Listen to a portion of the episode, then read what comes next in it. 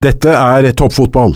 Hvorfor ler dere hver gang jeg prater opp med Obos? Nå må dere ta dere sammen, alle tre. Jeg mener har fått det laget til å overprestert noe så inn i gamperæva. Spill 23 minutter. 4-0. Faen. Det gjelder jo ikke bare tipping, men altså folk flest er jo idioter. Eh, det er mulig, Ja. Han kommer ikke til å gå gratis. 96 flasker med, med øl skulle de ha for han.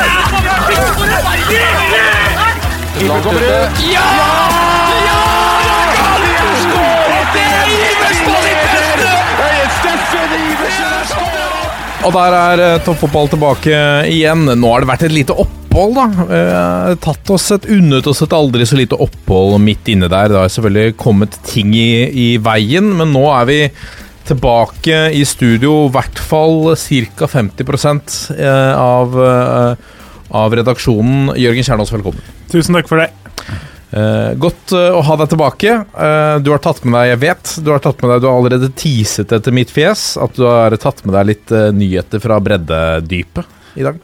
Ja, nå har vi jo endelig litt breddenytt igjen. Jeg føler jo at de siste to årene så har jo ikke spalten helt fått lov til å utfolde seg sånn som vi håper. Eh, Det har vært vanskelig å drive breddespalte. den eh, har naturlig nok ligget litt nede, men det er klart nå er det lenge siden jeg har vært her. Det er ganske mange timer og dager og uker med fotball som er spilt siden sist, så noe kuriøst og noe omdiskutert og noe morsomt og noe teit og noe fint har vi fra dypet også. Alt, al, Aldi? Ja, det er en god blanding, vil jeg si. Ah, Nydelig. Jeg gleder meg. I denne sendingen skal vi eh, se nærmere på eh, om eh, fotballklubben har glemt at eh, fotball handler også om supportere. Eller hva var det de tenkte da de tok en beslutning om VAR, helt uten å spørre de som faktisk eh, løser billett hver uke og går på stadion? Um, vi skal eh, snakke litt om hvordan det står til i Eliteserien. eh, en liten tur innom Obos. og så skal vi innom både annen- og tredjevisjon. Og også litt fjerde, Jørgen. I tillegg til Breddenytt. Altså, dette, en, en, dette blir en bred episode. Det gjør det. Vi gleder oss til det. Vakkert. Og så skal vi eh, avslutte med lyttespørsmål, men nå er det ukens tulipan og kaktus. Nå må de faen meg skjerpe seg, så kommer jeg å rive hodet av hver enkelt av dem.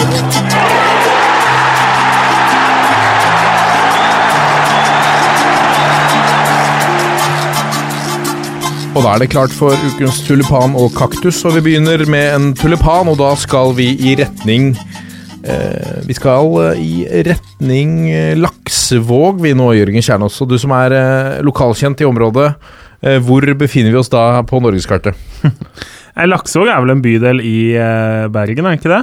Rett og slett. Eh, rett, holdt på å si eh, Vest for sentrum, sånn ut mot, eh, ut mot havet og ut mot Sotra, i, så vidt jeg vet.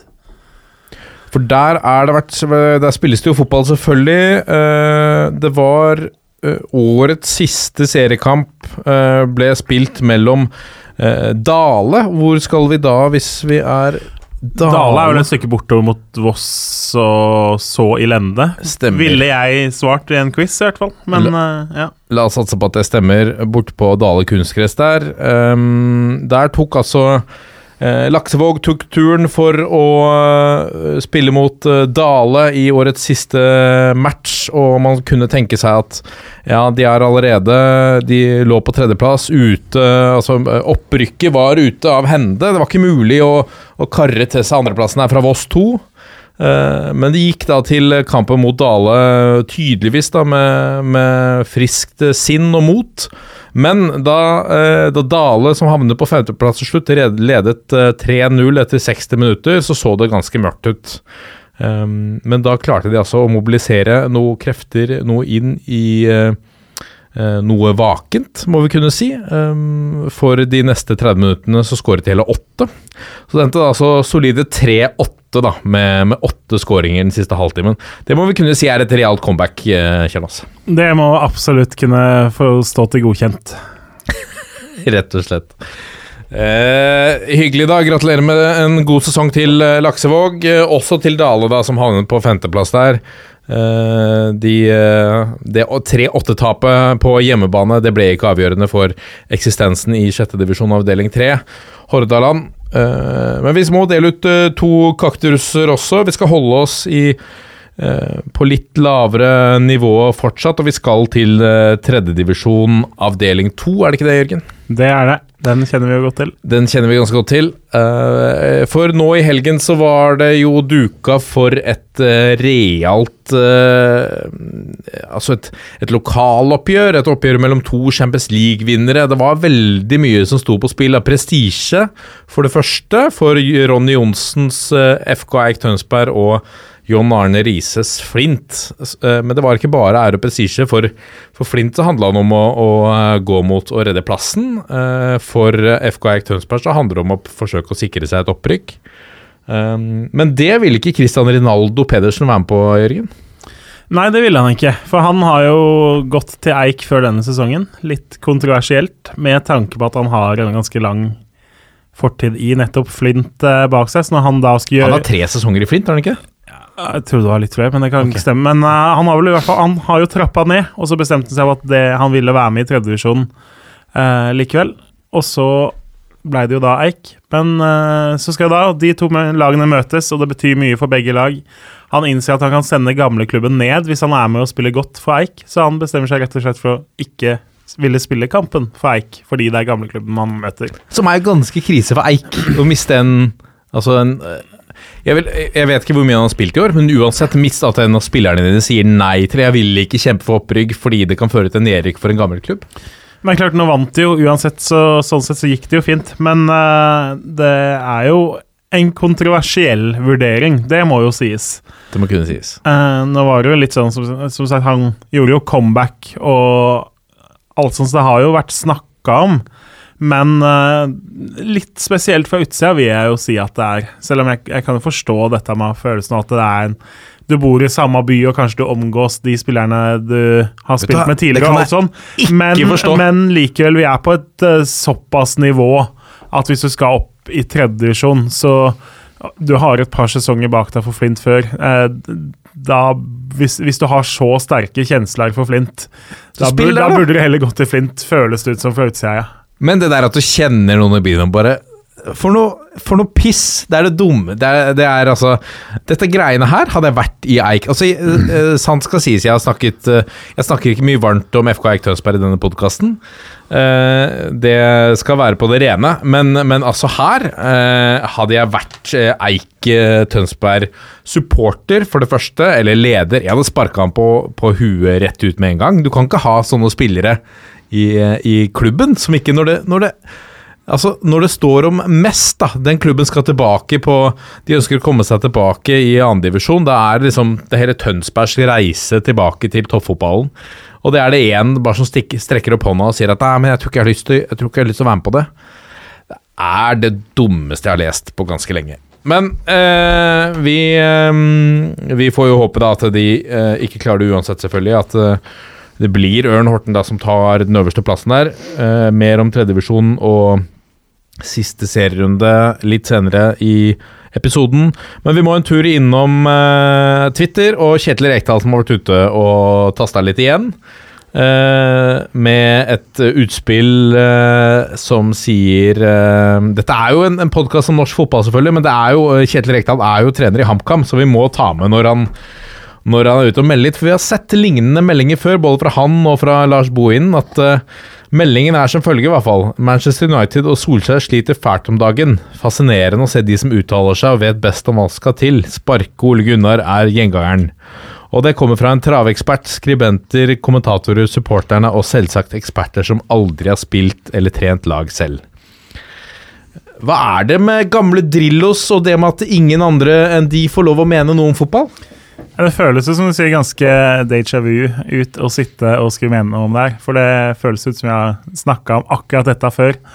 Eh, og vi lander jo så klart sånn som Altså, hva er fotball hvis ikke folk bryr seg og mener noe? Og ikke sånn hva Ok, HamKam er på medgangsbølgen, men hva liksom, hva er HamKam hvis ingen skal få lov til å mene hvem som skal spille spiss? Hvis de ikke skal få mene noe om hvem av de mange gode midtstopperne som må sitte på benken i neste kamp? Eh, Altså, Det er så klart at når det gjelder fotball og alle milliarder mennesker som mener noe eller syns noe om det, så går du fra de som eh, kommer med en doktorgradsavhandling om fotball hvis de blir spurt om Manchester United sitt defensive spill, til de som eh, sier at Ole må få sparken. Eh, men det er det fine med fotball. Det er ikke en, eh, det er ikke en prøve, det er ikke en eksamen. det er altså Fo- Og det er ikke alltid at ekspertene ekspertene har rett heller, eller Nei. at de som har eh, trent fotball i 40 år, har, har rett heller. Nei, det er klart at du har jo så klart noen fordeler med at du kan analysere spillet eh, fra en enkeltkamp osv., men eh, det finnes jo ganske mange fotballeksperter rundt om oss som eh, både i England og i Norge, og i hvert fall i Norge ifølge Perry, da, men eh, eh, som ikke leverer bare fordi du har en CV. Eh, det finnes ganske mange eksperter med veldig mange landskamper som har vært terningkast én eller terningkast to på TV.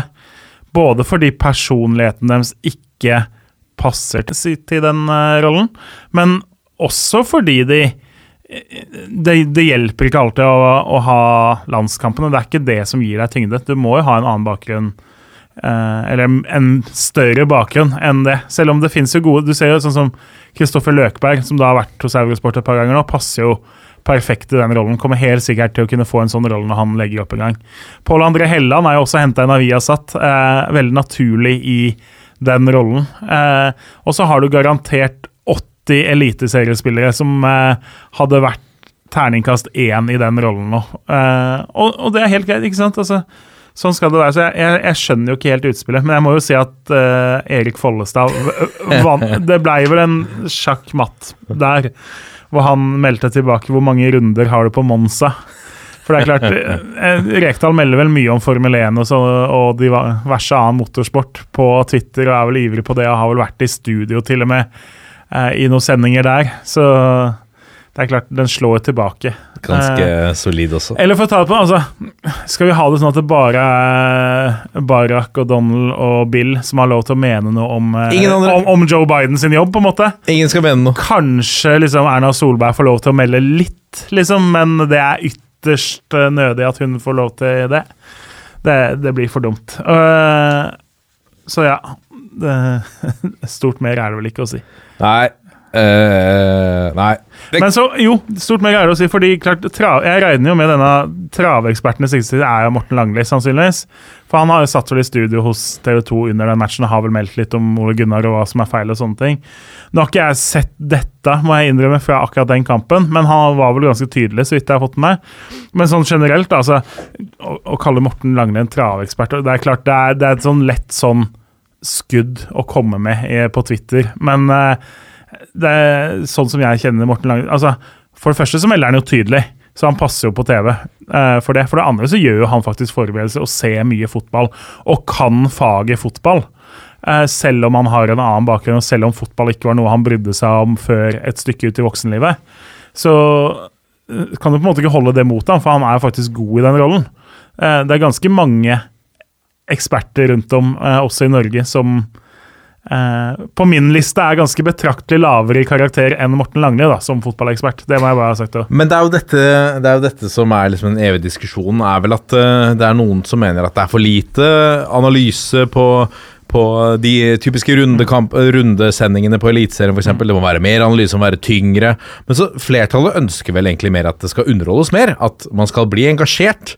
Du trenger, og da trenger du for å skape engasjement, du trenger noen som fyrer. Det trenger ikke alltid å være du trenger ikke alltid gå i dybden på soneforsvaret, hvordan de opptrådte i det 35. minutt. Vi, vi, vi vil gjerne ha litt det, det tabloide. Det er en grunn til at det klikkes på. eh, det er en grunn til at man får seere. Eh, hvis man skulle ønske seg en gjennomgang av eh, soneforsvaret til, til Drillo på 90-tallet, så drar man på toppidrettssenteret da, og, og får et foredrag. Eh, dette er jo underholdning, og det virker som Det skal vi komme litt tilbake til. Det, virker, det virker som det er en del som, som glemmer det fra tid til annen. Ja, helt klart. Eh, jeg, savner, jo- jeg er jo blant de som så klart savner mer, da. Eh, Eurosport prøver jo litt å finne balansen der, føles det ut som. At de, det hele tida litt prøver å søke der. Nå har jo hun Eline Torneus hadde vel en rolle nå i helga hvor hun kom inn i sendinga med litt sånne analyser på en måte underveis og hadde den rollen da, istedenfor å være ekspert. Og så har du de andre som skal sitte og være tabloid og slå fast veldig bastant ting er svart og ting er hvitt. Ting er ikke så mange nyanser av grått. Eh, det kan jo bli litt sånn I, i lengden så er jo faren at måte, du, du mister litt på en måte tyngdemakt fordi alt er enten svart eller hvitt. At du må kunne nyansere og du må kunne drøfte og du må kunne vise til eksempler og eh, ta det konkret og hvorfor ting er dårlig, ikke bare slå fast at ting er dårlig. Hvis Ja. ikke så kjøper ikke folk det til slutt, hvis du bare slår fast at alt er dårlig. Så de søker nok å finne den balansen hele tida, prøver å kombinere det der med at folk som du sier, folk vil ha det tydelig, men du må også ha litt tyngde bak de tinga som menes. da. Ja. Uh, og da synes jeg, ikke sant? Og så prøver man, som sagt, altså, De har jo hatt veldig mange gjester fra norsk fotball inne, og da ser du jo Det er jo en grunn til at Kristoffer Løkberg er den som kommer tilbake for annen gang. da, fordi Første gangen han var der, så var han helt strålende i den rollen. Og så har du andre som ikke funker så godt i den rollen. og Det, er- det er helt fint. altså Det fins høyrekantere og venstrevekker som ikke ser så mye fotball, eller klarer å forklare på en faglig interessant og god måte hvorfor ting er som de er på en fotballbane, men de er fortsatt en god høyreving eller venstrevekk. Men de passer ikke i studio. Så no, Men noen, noen passer der, da. Men vi kan jo Noen som ville høre denne episoden, ville jo kanskje protestert hvis de ikke uh, hørte at vi tok opp uh, For det hadde jo en Apropos fotballekspert, det skjedde jo en, eh, en incident nå i helgas runde med nettopp en av fotballekspertene som har en lang erfaring som trener. Uh, som uh, da var forbauset over en hendelse i, i Molde-kampen. Ja, det er klart, nå hadde jo For det første så kom jo denne boka til P.O.R. Hansen ut og slo fast hvem som var de gode ekspertene og dårlige ekspertene i Norge osv. At vi hadde de dårligste i Europa. Så eh, Men det er klart, på Lerkendal så fikk jo Tor Ole Skullerud kjørt seg litt av begge trenerne. Det var jo en, var jo en minnesverdig seanse fordi begge lags trenere var veldig uenige egentlig og mente at de var snytt av dommeren. Men han gikk jo litt dem i strupe på dem, begge to. Ja, eller de gikk egentlig til rette tilbake. Ja. Men det er klart, når du på det, Altså, den corneren til Vålerenga Det er ikke så klart som Dag Eiler Fagermo skal ha det til. Det er det ikke. Men når det blir hevda at det er frispark fordi keeperen Ikke ha fri bane. ikke skal ha fri bane ut, det er, da skjønner du at keepere blir overbeskytta hvis det hadde vært en gjengs tone. Da hadde ikke Rosenborg skåra et eneste cornermål i Champions League da, på 90-tallet. Nei, altså, ki- Pakking-keeperen var jo deres uh, forse. I praksis så får jo keeperen uh, lettere frispark enn alle andre, det veit vi jo. Men uh, at han skal ha fri bane ut, da, da, blir det, da er det egentlig bare å glemme corneret som trekk. Da må du heller legge om alt av cornertaktikk. Men tilbake til Stabæk-Molde, når da Ohi sender en ball i tverrliggeren, og så tar han returen, og så blåser dommeren frispark eh, og viser at det er indirekte frispark ved å holde den ene hånda i været så skal man jo i en kommentatorbu med kommentator og ekspert eh, kunne forklare ganske kjapt at det er fordi du har ikke lov til å sende en dødball til deg selv. Og tverrligger og stang og cornerflagg er jo regna som døde gjenstander. Så hvis du skyter i en av de, og så tar igjen ballen uten at noen andre har vært borti den, så er det det samme som å to touch.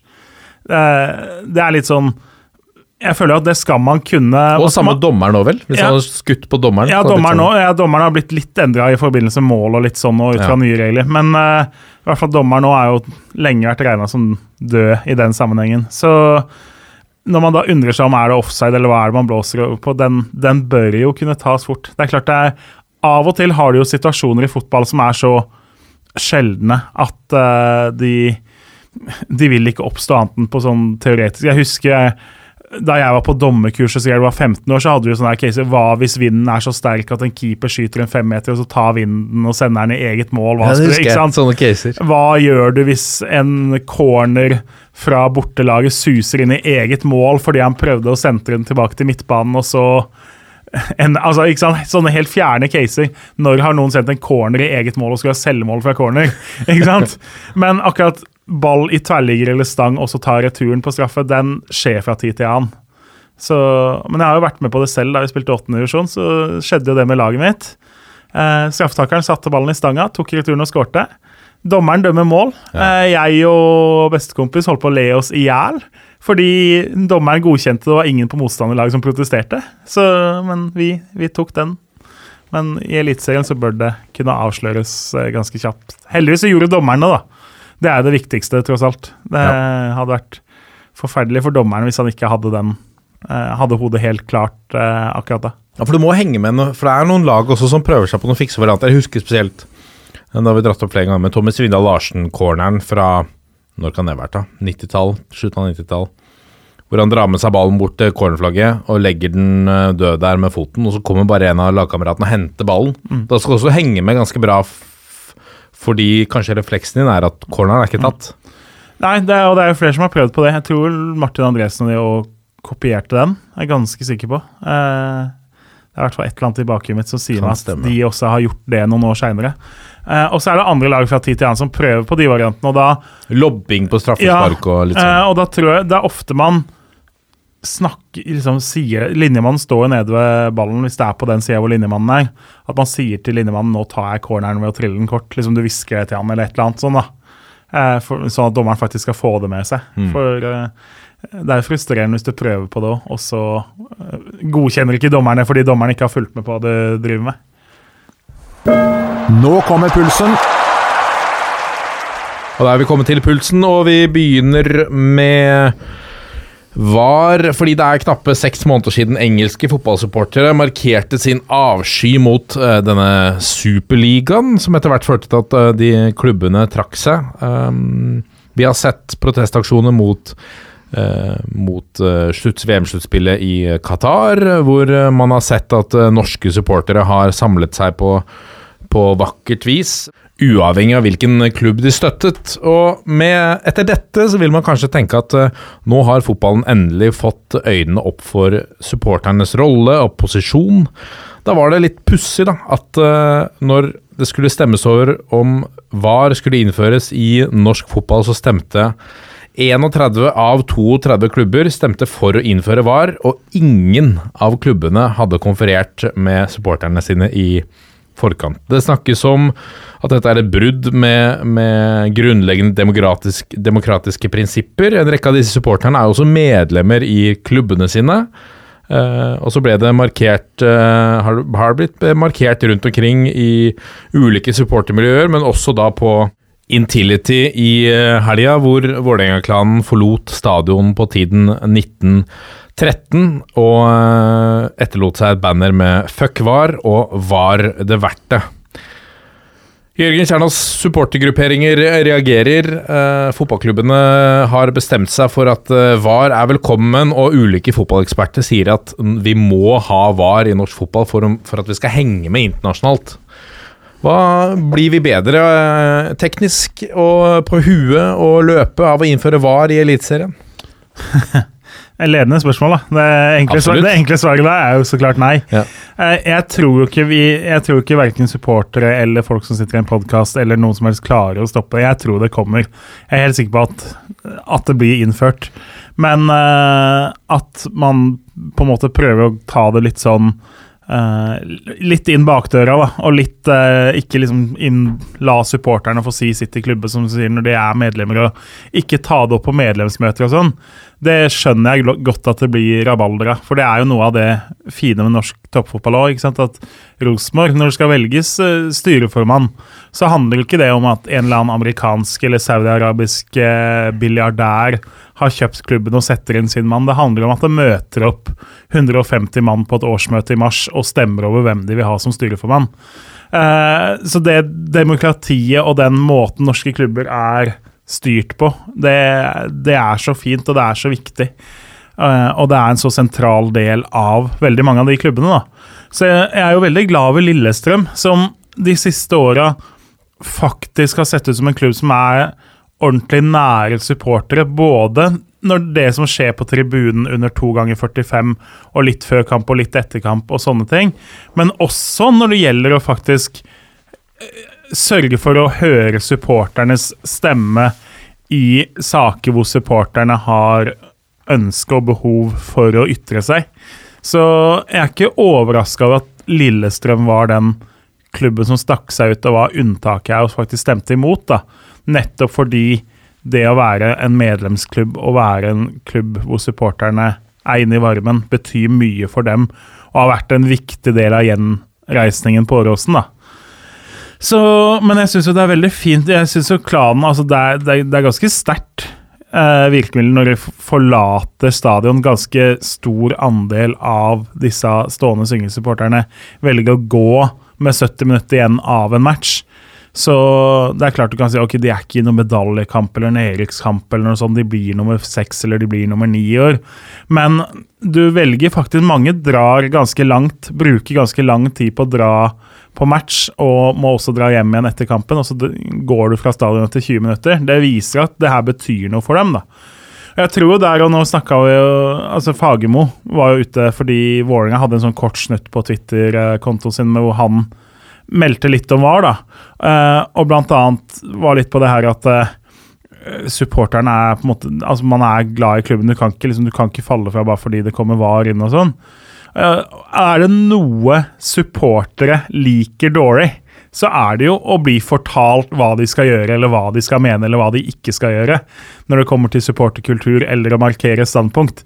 Når det kommer en i klubben som er trener eller som er spillere som skal være der okay, Nå har han vært der i halvannet år, kan, om Fagermo skal være der i to måneder til eller ti år til, det veit vi ikke. Men Fagermo er der en viss periode, en avgrensa periode. Supporterne er der for klubben. De er ikke der fordi de digger han høyrebekken som er der akkurat nå, eller den treneren som er akkurat nå. De følger klubben fra fødsel til død. Så å bli fortalt da av noen i klubben at dette må dere passe dere for, eller være forsiktige for, eller dette bør dere ikke gjøre, da, eh, da tenner det til oss en del av dem. Så det, der vil jeg gi Fagermo et lite, måte, lite gult kort for å du, du skal passe deg for det, altså. Da tror jeg heller du får motsatt effekt av det du kanskje ønsker å oppnå. Hvis du ber supporterne skjerpe seg, så tror jeg de definitivt ikke skjerper seg. Eh, litt som å be eh, Jeg jobber jo som lærer, og be en unge som er sint, slappe av. Det er sjelden eh, du får ungen til å roe seg. Ro deg ned nå, er sjelden eh, beskjeden du trenger da. Ja. Det er litt den hvis du er litt sinna på VAR, og så får du beskjed om at dette må du bare godta, og kom og støtt klubben uansett. Så, så begynner du å tenke to ganger over om det er det du faktisk skal. Men utgangspunktet her er jo at det er en avstemning. Så, så klubbene måtte stemme over om vi skulle få VAR i norsk fotball eller ikke. Og så, så vil jeg tenke at ja, umiddelbar tanke er at ja, men dette kommer uansett. Men så har jo de siste månedene vist da, at supporternes stemme har noe å si. Man ville jo tenkt at det er vanskelig å omgå Nå er Superligaen laget, og dette har skjedd, og det er kommunisert, og, og nå er det ingen vei tilbake. Det viser seg å være en vei tilbake, da. Uh, så det argumentet om at, om at dette kommer nok uansett, jeg kjøper ikke helt det. Fordi vi hadde et valg. Det var bare det at de som skulle velge det, de turte ikke uh, å spørre de som faktisk er de som driver inn pengene på tribunen. Det var det, det det som skjedde. Så fordi man vet vel at uh, Man er jo redd for at flertallet der er eh, er imot dette. Derfor så er det bedre å ikke spørre de. De må jo, altså Man må jo ha lært av den siste Qatar-diskusjonen oppi dette. Eh, hvis ikke vi har det, så er det noe riv ruskende galt i, i toppen i, i norsk tofffotball toppfotball og i Norges Fotballforbund. Um, vi, man kan ikke slutte å overse supporterne, de viktigste bidragsyterne her, over så lang tid. da. Det er jo Jeg eh, vil trekke det så langt som å si at hvis du ikke, når du ikke har spurt supporterne dine, så er det litt som å pisse på supporterne dine, rett og slett. For du bryr deg ikke. Du bryr deg ikke om hva de mener. Du tar et valg som har svært, svært mye å si for liveopplevelsen på en fotballkamp. Uh, om det innføres videodømming og du er nødt til å vente Du kan ikke juble, juble for en eneste scoring igjen, da. Fordi at du vet ikke om den står. Uh, du, du, du, fucker, du fucker til kampopplevelsen. Altså, den blir noe helt annet. For den supporteren som har tenkt til å følge den de neste 40 årene, skal følge Eliteserien i 40 år, så har du på mange måter da gjort den opplevelsen litt dårligere de neste 40 åra. Det er det vi snakker om her. Og at du ikke spør supporterne om det, det mener jeg er å pisse på de. Ja, altså jeg, jeg kjenner ikke disse reglene godt, for det er jo styrene i de ulike klubbene som har stemt, og så har på en måte styrelederne vært i dette møtet og sagt hva styret i hver enkelt klubb har bestemt. Ja. Om det er lov eller ikke, det vet jeg helt ærlig talt Det er sikkert lov. Kan godt hende at- Juridisk kan sikkert godt helt hende at klubba har sitt på det tørre. Absolutt sånn sett, juridisk men, eh, sikkert. Men at man ikke lufter det, det er, det er i best fall litt feigt da, å prøve å liksom I ikke beste ja. fall litt feigt. Og jeg er jo Altså, jeg, jeg skjønner jo fortsatt argumentene for VAR, og dette kommer jo til Det er jo en diskusjon som kommer til å vare for evig. Eh, fordi det er fordeler og det er ulemper. Men for min del så er fotball Altså, følelsene og det der genuine og det øyeblikket Altså øyeblikket hvor ballen går i krysset, dommeren peker på midtbanen, det er scoring, laget ditt har rykka opp eller ikke rykka ned eller slått erkerivalen. De har ikke sant? Tenk om det Få ta Vålerenga. Altså den seiersmålet mot Lillestrøm da. Tre minutter på overtid, eh, 1-0. Nydelige bilder. Hele liksom kortsida opp og jubler. Og så mister du litt den, da, fordi kanskje det var én-to trekk før som var Han hadde øreflippen sin i offside, og det skal inn og studeres, og det skal lages eh, geometri på første videregående nivå eh, inn på bildene. Eh, og det, det verste, det jeg sliter med, er jo sånn Ok, altså var, Det kommer jo ikke til å bli perfekt, men det er jo så mange eksempler på ting som er så åpenbart, og så tar ikke VAR det. Eh, ta av de ligaene som har VAR nå, så er det jo håper dessverre fremlig, jeg får meg litt fra. Eh, hvor Aston Villa, borte mot eh, Arsenal her nå, for halvannen uke siden. Eh, og det er en spiller som bakfra måker til med full kraft og treffer da knehasen eller baksida av leggen på en motspiller, og så får du gult kort, og så er det VAR. Altså, altså det, det er jo rødt kort 100 dager i uka, som noen ville sagt det. Så VAR klarer liksom ikke plukke opp det, og du har straffesituasjoner som er klink, men det blir ikke tatt fordi øh, du må jo fortsatt liksom, Du må jo lage mye ut av det for at VAR skal gidde å titte litt ordentlig på. Og så kommer hele det her med når, når vi ser, altså Norske dommere er jo på et ujevnt nivå.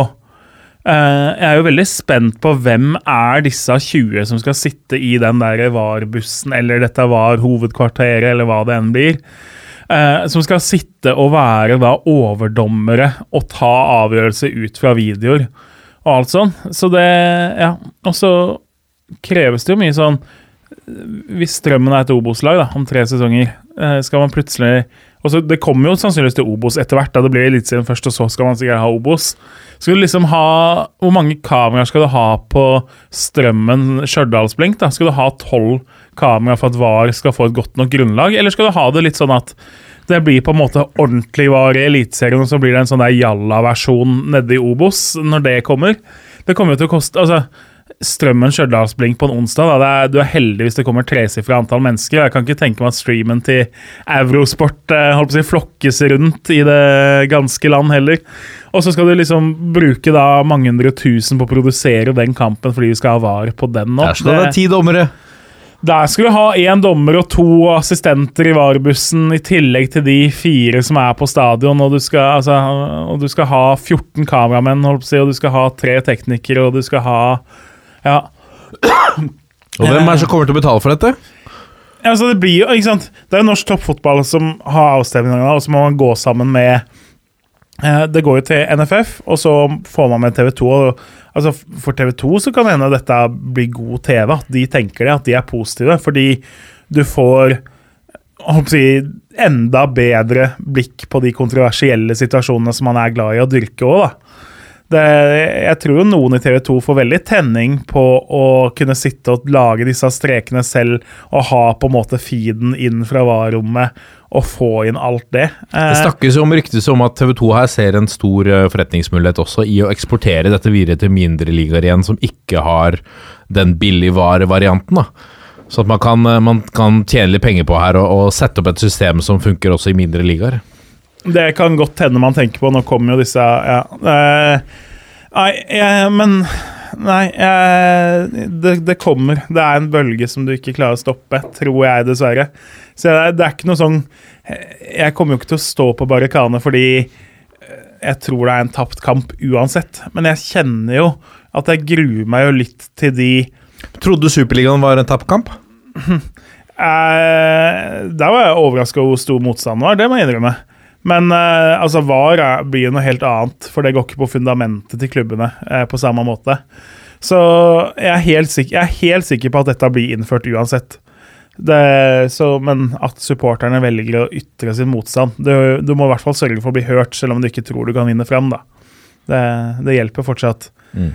Eh, Det hjelper litt på selvfølelsen at du i hvert fall har ropt ut din, din mening og din motstand. Det er godt å vite i hvert fall at uh, Toppfotballen og NFF er imøtekommende på andre virkemidler på tribunen, som pyro og diverse ting. At i hvert fall det er i orden, da. Sånn at det, det skal ikke skorte på det for å få en god opplevelse. Det Jeg tenker jeg i hvert fall jeg er glad. Som Hønefoss-tilhenger så slipper jeg i hvert fall å forholde meg til dette på noen år, eh, virker det som. Ja, kanskje vi skal bare holde oss der nede. Jeg er jo en av de som mener eh, at det å være en varløs liga Kanskje vi kunne dyrke det som noe spesielt. Som noe Her er den ekte fotballen. Altså Vi har jo laget en hashtag som heter ekte, ekte fotball. Um, nettopp fordi at det er ingen milliarder fra fra Emiratene. Det er ingen eh, VAR. Det er ingen eh, Det er kun ekte fotball. Det kjempes gjennom folk som Altså spilleren til Ole Martin, politimann på dagtid, eh, drar opp på Strømmen stadion og slår Stjørdalsblink på kvelden der. Eh, altså den den sjarmen og Og um, hva skal vi si eh, Ja, den ekte fotballen da, som vi har her, er får seg et skudd for baugen med med dette. Men det for å spinne er videre på den tanken din, da, Ja. så har man jo faktisk også litt potensiell edge mot Premier League eh, nå. Fordi nå er det jo mye saker der og på Altså, det er, det er jo prisen som skal være for puber og restauranter som vil vise disse kampene. Eh, hvis du har da 21 til 40, tu- nei, 40 seere, så må du betale 15 700 kroner i måneden for å vise Premier League. Det er klart, Hvis du er en sånn der bitte liten eh, bydelsrestaurant som serverer pizza og kebab, og så er det ålreit å ha på litt fotball på TV-en i uh, hjørnet, så, så kan du ikke betale de summa for å sende. Så det, det har jo vært masse saker nå på puber og andre steder som ikke har råd lenger til å sende de matchene. Mm. Tenk for mulighet man har til å nå kunne få de stedene, kunne få inn norsk fotball. Da. At klokka fem på søndag så er det ikke eh, Aston Villa mot Burnley som står på, men det er faktisk Lillestrøm Kristiansund som står på istedenfor de som har behov for å være der noen timer i helga. Ja. Eh, så det er jo også bare en liten sånn digresjon videre der, da. Kjempegod digresjon, da. Eh, fotballen tilbake, norske fotballen tilbake til folket. Eh, Jeg ville jo, altså Hvis jeg hadde jobba med å selge de rettighetene er nå, og når du merker ok, Premier League nå kommer jeg ha 40% eller 20% av puba til å kutte ut Premier League, så klart du ringer de og kommer med et godt tilbud på å vise en annen type fotball nå, da. Men hvis du graver litt i akkurat det du sier der, Jørgen Kjernås For de som setter opp prisen nå på de ulike pubene, hvem er det? Uh, nå husker jeg ikke hva dette selskapet heter. Er det ikke heter. TV 2, da? Som Ja, sitter ja, men de har på en måte De har gjør det vi Eller har liksom Har et selskap som har de her rettighetene ut til bedriftsmarkedet. Eh, Uansett, det er TV 2 som eier rettighetene. Yes. TV 2, uh, i kraft av et annet selskap, setter opp prisen som gjør det mindre lukrativt, og, og man har ikke råd til å ha Premier League på de, på de pubene. Fra 2023 så er det norsk fotball som er uh, i TV 2s hender. Eh, altså er de godt tjent med nå å få inn norsk fotball på pubene allerede nå, sånn at eh, når det kommer 2023, da er det norsk fotball på alle pubene.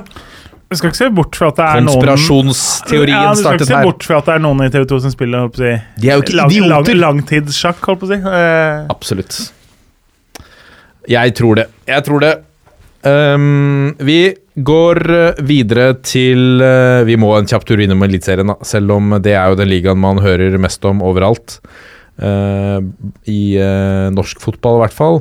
Men vi må jo se litt på hva, hva som foregår her nå. Fordi vi har uh, syv runder igjen, er det vel. Um, nå har vi et uhyre spennende toppoppgjør nå til helga. nei, nå i morgen. nå i morgen, selvfølgelig. Nå i morgen, selvfølgelig. Det er onsdag. Kanskje mens vi spiller i nå, så sitter man og hører på. Det kan bli veldig uinteressant.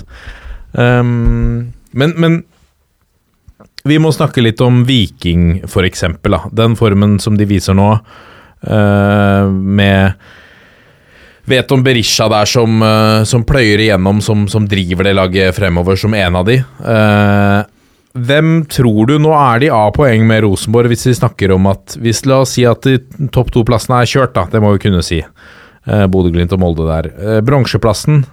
Kristiansund fortsatt inni det. Lite tegn nå fra helga på at en liten formdupp her i gang, eller? Det var litt urovekkende det de drev med der. Det er klart, Overraskende Kristiansund er fortsatt inne der, og Kristiansund har også et kampprogram som gjør at de bør kunne henge med deg ut eh, sesongen. Jeg tror de Men det er jo noe med liksom altså Skal Kristiansund klare det? Du må ha det lille ekstra. Jeg vet ikke helt om de har det. Viking har det kanskje. De har også Eh, fordelen De har gjort ferdig alle de andre toppklubba. Altså Når du ser på det programmet Viking har igjen, så, så er jo det ok. Du har Brann borte, Sarpsborg hjemme, Mjøndalen borte, Haugesund hjemme, Kristiansund borte. Blir jo kanskje en nøkkelkamp. Så har du Odd hjemme, og så har du Tromsø borte i siste. Som eh, Så du har gjort unna alle toppklubbene. Du har gjort unna de vanskeligste kampene. De har et ok kampprogram igjen. Rosenborg på sin side har jo da igjen De skal jo både til Molde og de skal møte Glimt hjemme. Eh, på sin side. Så Og de har Lillestrøm. Eh, ja, og ikke minst de har Haugesund nå i morgen, på, som er en bane de veldig ofte sliter på. Så eh, Rosenborg kanskje som lag et lite hakk bedre nå enn Viking. Eh, men Viking har et hakket enklere kampprogram, som gjør at det, for meg så er Viking et knappenålshode foran Rosenborg i den kampen nå. Hvis jeg skulle spådd her Vi sitter Basert her og nå. Basert på form, eller? Eh, nei, basert på at de eh, har enklere kampprogram de syv siste matchene enn Rosenborg. Det er, det er ganske stor fordel å møte Mjøndalen borte kontra å møte Molde borte, for å si det sånn. Ja. Det, du har ganske mange flere forventa poeng eh, på Nedre Eiker enn på Aker stadion. Og det sier du selv om Mjøndalen også på en måte Løpet er ikke kjørt fordi de kan Løpet er ikke kjørt for Mjøndalen, men hvis Mjøndalen kommer seg unna nå, da skal jeg ikke ta salto, for det tror jeg ikke er fysisk gjennomførbart. Men eh, da skal vi ta oss hatten og alt mulig, for det Mjøndalen har mer og mer sett ut som et veldig typisk nedrykkslag de siste ukene. Og, og nå er det litt sånn, nå byttes det Klart Vegard Hansen har veldig ofte bytta veldig mye spillere, altså. Men nå, nå virker det som man bytter litt spillere fordi man ikke finner Man får ikke noe gode svar, man får ikke noen gode prestasjoner.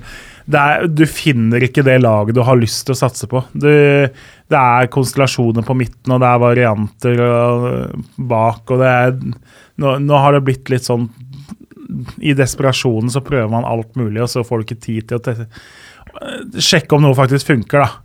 Eh, Stabæk er litt på Stabæk er rett og slett svake nå. Uh, Toppfotballen Kjøne har gjort noen grep, men han, han disponerer ikke en tropp som uh, ser ut som de skal holde seg. Men så er jo da fordelen for de to lagene altså det er, Toget har jo egentlig gått for sikker plass. Mjøndalen i Stabæk kommer seg ikke opp på 13.-plass eller høyere.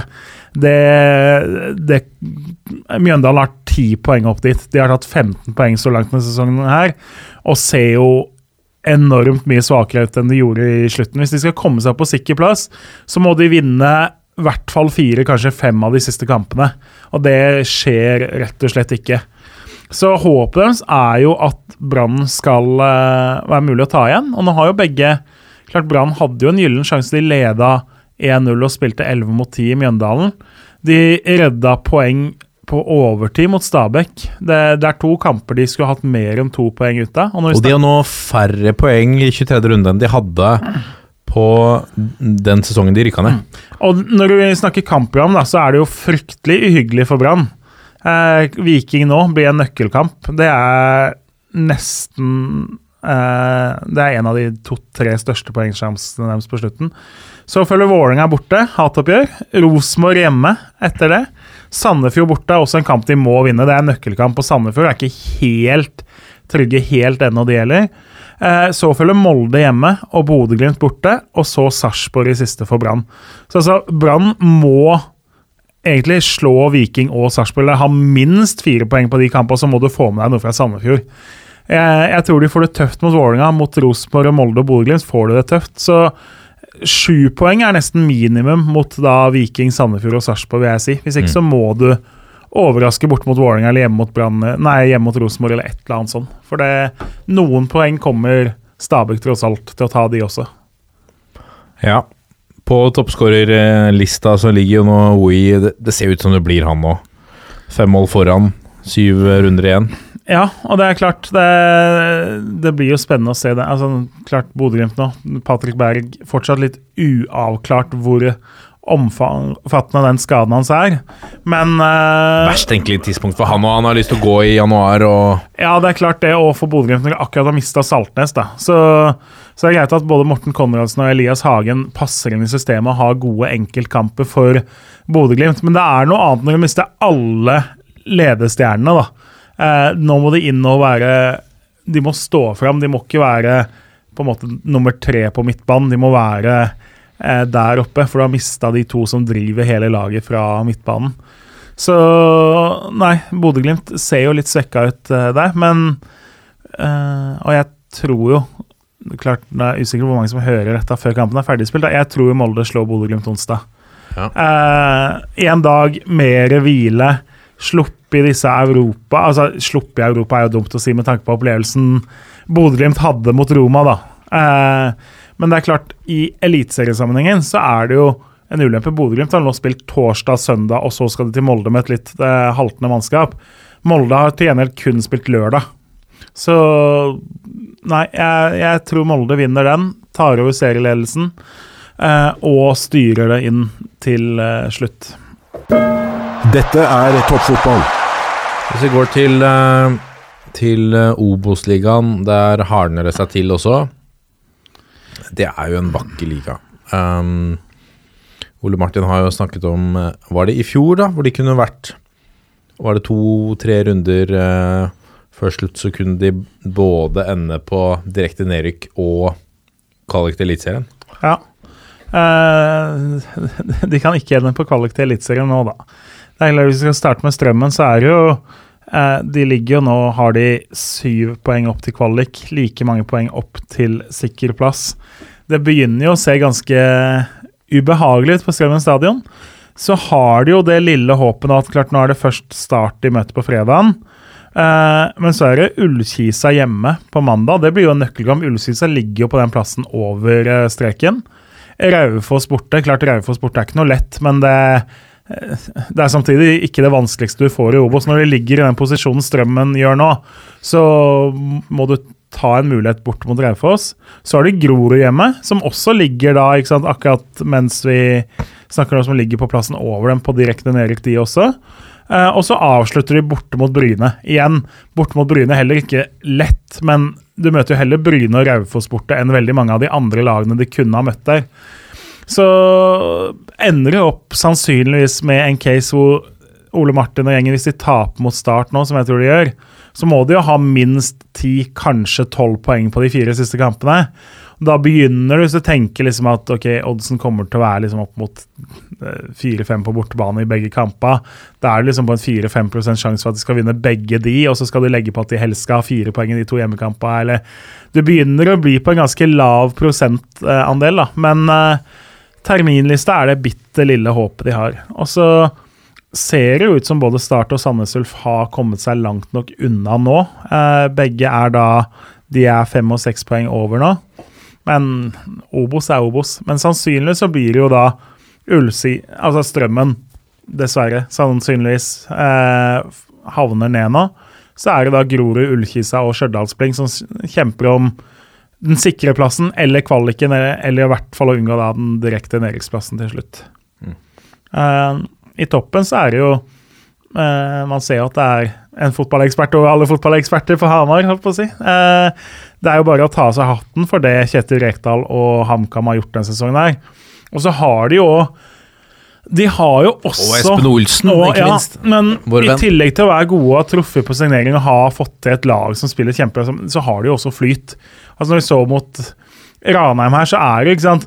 Det kommer et skudd som går i en HamKam-forsvarer, og så går de i stanga og ut, mens HamKam får de liksom De går i stanga, og så går Altså, de har litt den der opprykksflyten òg, som er det er klart Du kan hevde at det er fordi du har vært bedre enn alle de andre på grunntreninga i januar og februar, men akkurat den, den flyten, om det bare kommer av det altså Noen lag bare føles som har litt den ekstra flyten også.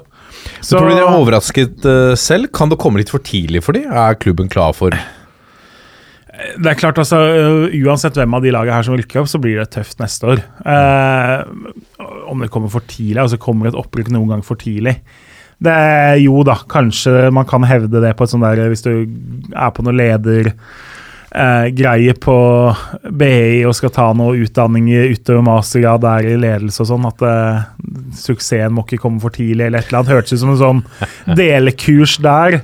Eh, HamKam er jo ikke en sovende kjempe, men det er jo en fotballby. Det er jo en idrettsby. Hamar er jo Du har ganske mange byer i Norge på størrelse med Hamar eller større som du ikke ville kalt en idrettsby på samme måte. Eh, klart Kongsberg har noen skihoppere og sånn, men ellers så er, er det ganske dødt. Du kan gå nedover eh, Sørlandet og finne noen du kan, ikke sant. Finne noen steder som ikke er i nærheten av Hamar. Ha- Og HamKam har jo litt av både historie og litt sånn potensial til å bli litt eh, Være en sånn klubb som gjør litt, litt sånn som Mjøndalen er nå, da. At man er liten, men samtidig så har man en sånn derre fellesskap og en identitet, og alle kjemper for alle, og man står sammen. Og det å komme dit er en av de kampene du gruer deg mest til i året. Ikke fordi du møter et så godt lag, men fordi du møter et lag som er vondt og ekkelt å møte, rett og slett. Så, så nei, det de kommer jo til å få det tøft i 2022, men det er for tidlig. Nei, det, de bygde jo en stadion stor nok til eh, å spille i Europa for ti år siden. Så eh, jeg vil heller si at det kommer altfor seint, egentlig, i forhold til hva HamKam hadde planlagt. Men, men er det ikke litt unikt? Hvis du ser på tabellen, vi har HamKam på første og Jerv på andre. Det er to lag, det er vel nesten ingen som hadde de på de to øverste plassene. Nei, det er klart HamKam var jo et lag som folk hadde et sted alt fra tre, fra tre til åtte, holdt på å si. Ja. Uh, Jerv har jo ganske mange ganske svake sesonger bak seg nå. Det, de var jo For fem-seks år siden så hadde de vel to strake tredjeplasser, eller noe sånt nå, og så siden så har det vært bunnkamp, egentlig. Ja, de har altså 13, 13, 12, 11 de fire siste sesongene bak seg. Så at de skal rykke opp, det hadde Du hadde vært god hvis du klarte å se det for deg før sesongen, at de skulle ligge der. De også har jo hatt en, altså de hadde jo flyt mot start her. De har truffet ekstremt godt på mange av spillersigneringene sine nå. Og så har jo de òg, når man ser på kampprogrammet altså Stjørdalsblink borte, Grorud hjemme, Bryne borte, Raufoss hjemme, Koffa borte i siste. Det er, det er muligheter der, altså. Så, og det hadde jo vært litt Det er jo alltid gøy når vi får nye lag opp i Eliteserien. Eh, uansett om det er Sandnes Ulf eller altså, altså Sandnes Ulf og Hønefoss kom jo opp da før 2010, og så har det vel Ranheim eh, etter det. Nå, dette er en skummel øvelse, da. Har vi hatt noen flere Kristiansund var jo ganske Kristiansund, så klart. Eh, så kommer da Jerv opp og blir neste lag som for første gang vil være i Eliteserien. Og det Det var lenge siden Mjøndalen har vært oppe da de kom opp første gang. Jo, ja, men de var jo tross alt oppe her eh, rundt 80-90-tallet. er. Eh, så det er ikke første gangen der heller, selv om det er lenge siden. Så nei, Jerv kan bli et spennende bekjentskap. eh, 08. Sarpsborg 08. ja. Eh, men de har Ja. eh, der, har du, der har du jo så mange konstellasjoner. Altså Så klart Sandnes Nei, Sarpsborg er jo 08 er jo nye, men du har jo hatt ganske mange av disse moderklubbene oppe tidligere, da. Ja. Så, men ja, Jerv, all ære til det de har gjort, de også. Og så er det jo så er det jo ikke helt, altså, Det er jo litt typisk. Man har sett lag som på det nivået som, som altså, Du mangler litt den derre Du har aldri vært oppe før, og du begynner å tenke liksom Oi, dette er stort, vi kan ta Jerv opp. Tenk om vi skal klare å komme foran Ålesund. Den sniker seg litt inn på en eller annen måte, den nå. Som en positiv ting eller negativ Nei, ting? Nei, det er ofte føles det ut som at man ser jo de der eh, overraskelseslagene ofte snuble mot slutten etter å ha gjort overprestert uh, veldig lenge. Men uh, som sagt, altså kampprogrammet er jo fint for dem. Ålesund skal jo da bort til Fredrikstad, så du har jo de to lagene som jager bak, kan potensielt ødelegge for uh, hverandre i den runden. Men jeg, jeg holder fortsatt en liten knapp på Ålesund. Det, det ville vært så, så enormt underpresterende og skuffende av dem hvis de ikke skal klare å komme over Jerv nå. Eh, Det er mange andre lag som har underprestert i Obos, men Ålesund bak Jerv i en opprykkskamp, den vil svi for dem, altså. Ja, så er det Fredrikstad, da, som er A-poeng med, med Ålesund, som vel kanskje ja, Det er farlig å si, men jeg vil jo kanskje tenke at veldig mange nøytrale norske fotballsupportere gjerne skulle sett at de var tilbake på øverste nivå, med den entusiasmen og engasjementet og trøkket som er i den byen der. Eh, kampene i Fredrikstad er alltid godt besøkt. Jeg tenker at Hvis du er Lillestrøm eller Vålerenga-supporter, så tror jeg du setter veldig pris på hvis det er Fredrikstad og HamKam du får opp. Da har du noen kamper som du gleder deg litt ekstra til. Eh, det blir ikke helt det samme hvis du får opp eh, Jerv og Sogndal. Eh, sånn fra et sånt ståsted. Og det, er Ålesund. det er jo Ja, ikke sant. Ålesund har vært oppe og på en måte, de, de er ikke noen nye lenger. Nei. Så nei, enig. Jeg tror nok veldig mange nøytrale vil håpe på det. Og selv om Fredrikstad har et godt lag og det var mye forhåpninger til dem før sesongen, skal vi huske at de er nyopprykka. Altså. De sleit og snubla flere ganger på rad i andredivisjon før de endelig rykka opp i fjor. Og nå kan de nok en gang ta to opprykk på to sesonger. Det gjorde de jo også her på starten av 2000-tallet. Da må tenke, Det var vel 2001 og så 2002 de tok det to år på rad. Hvis ikke jeg er et år for tidlig ute nå. Det kan stemme. Det stemmer vel, eh, for da hadde jo bl.a. Hønefoss snubla jo. Eh, Roger Risholt skrudde inn to frispark for Fredrikstad. Snudde 0-1 til 2-1 der eh, helt på tampen av sesongen. Så da Fred havna Fredrikstad bl.a. foran Hønefoss på slutten.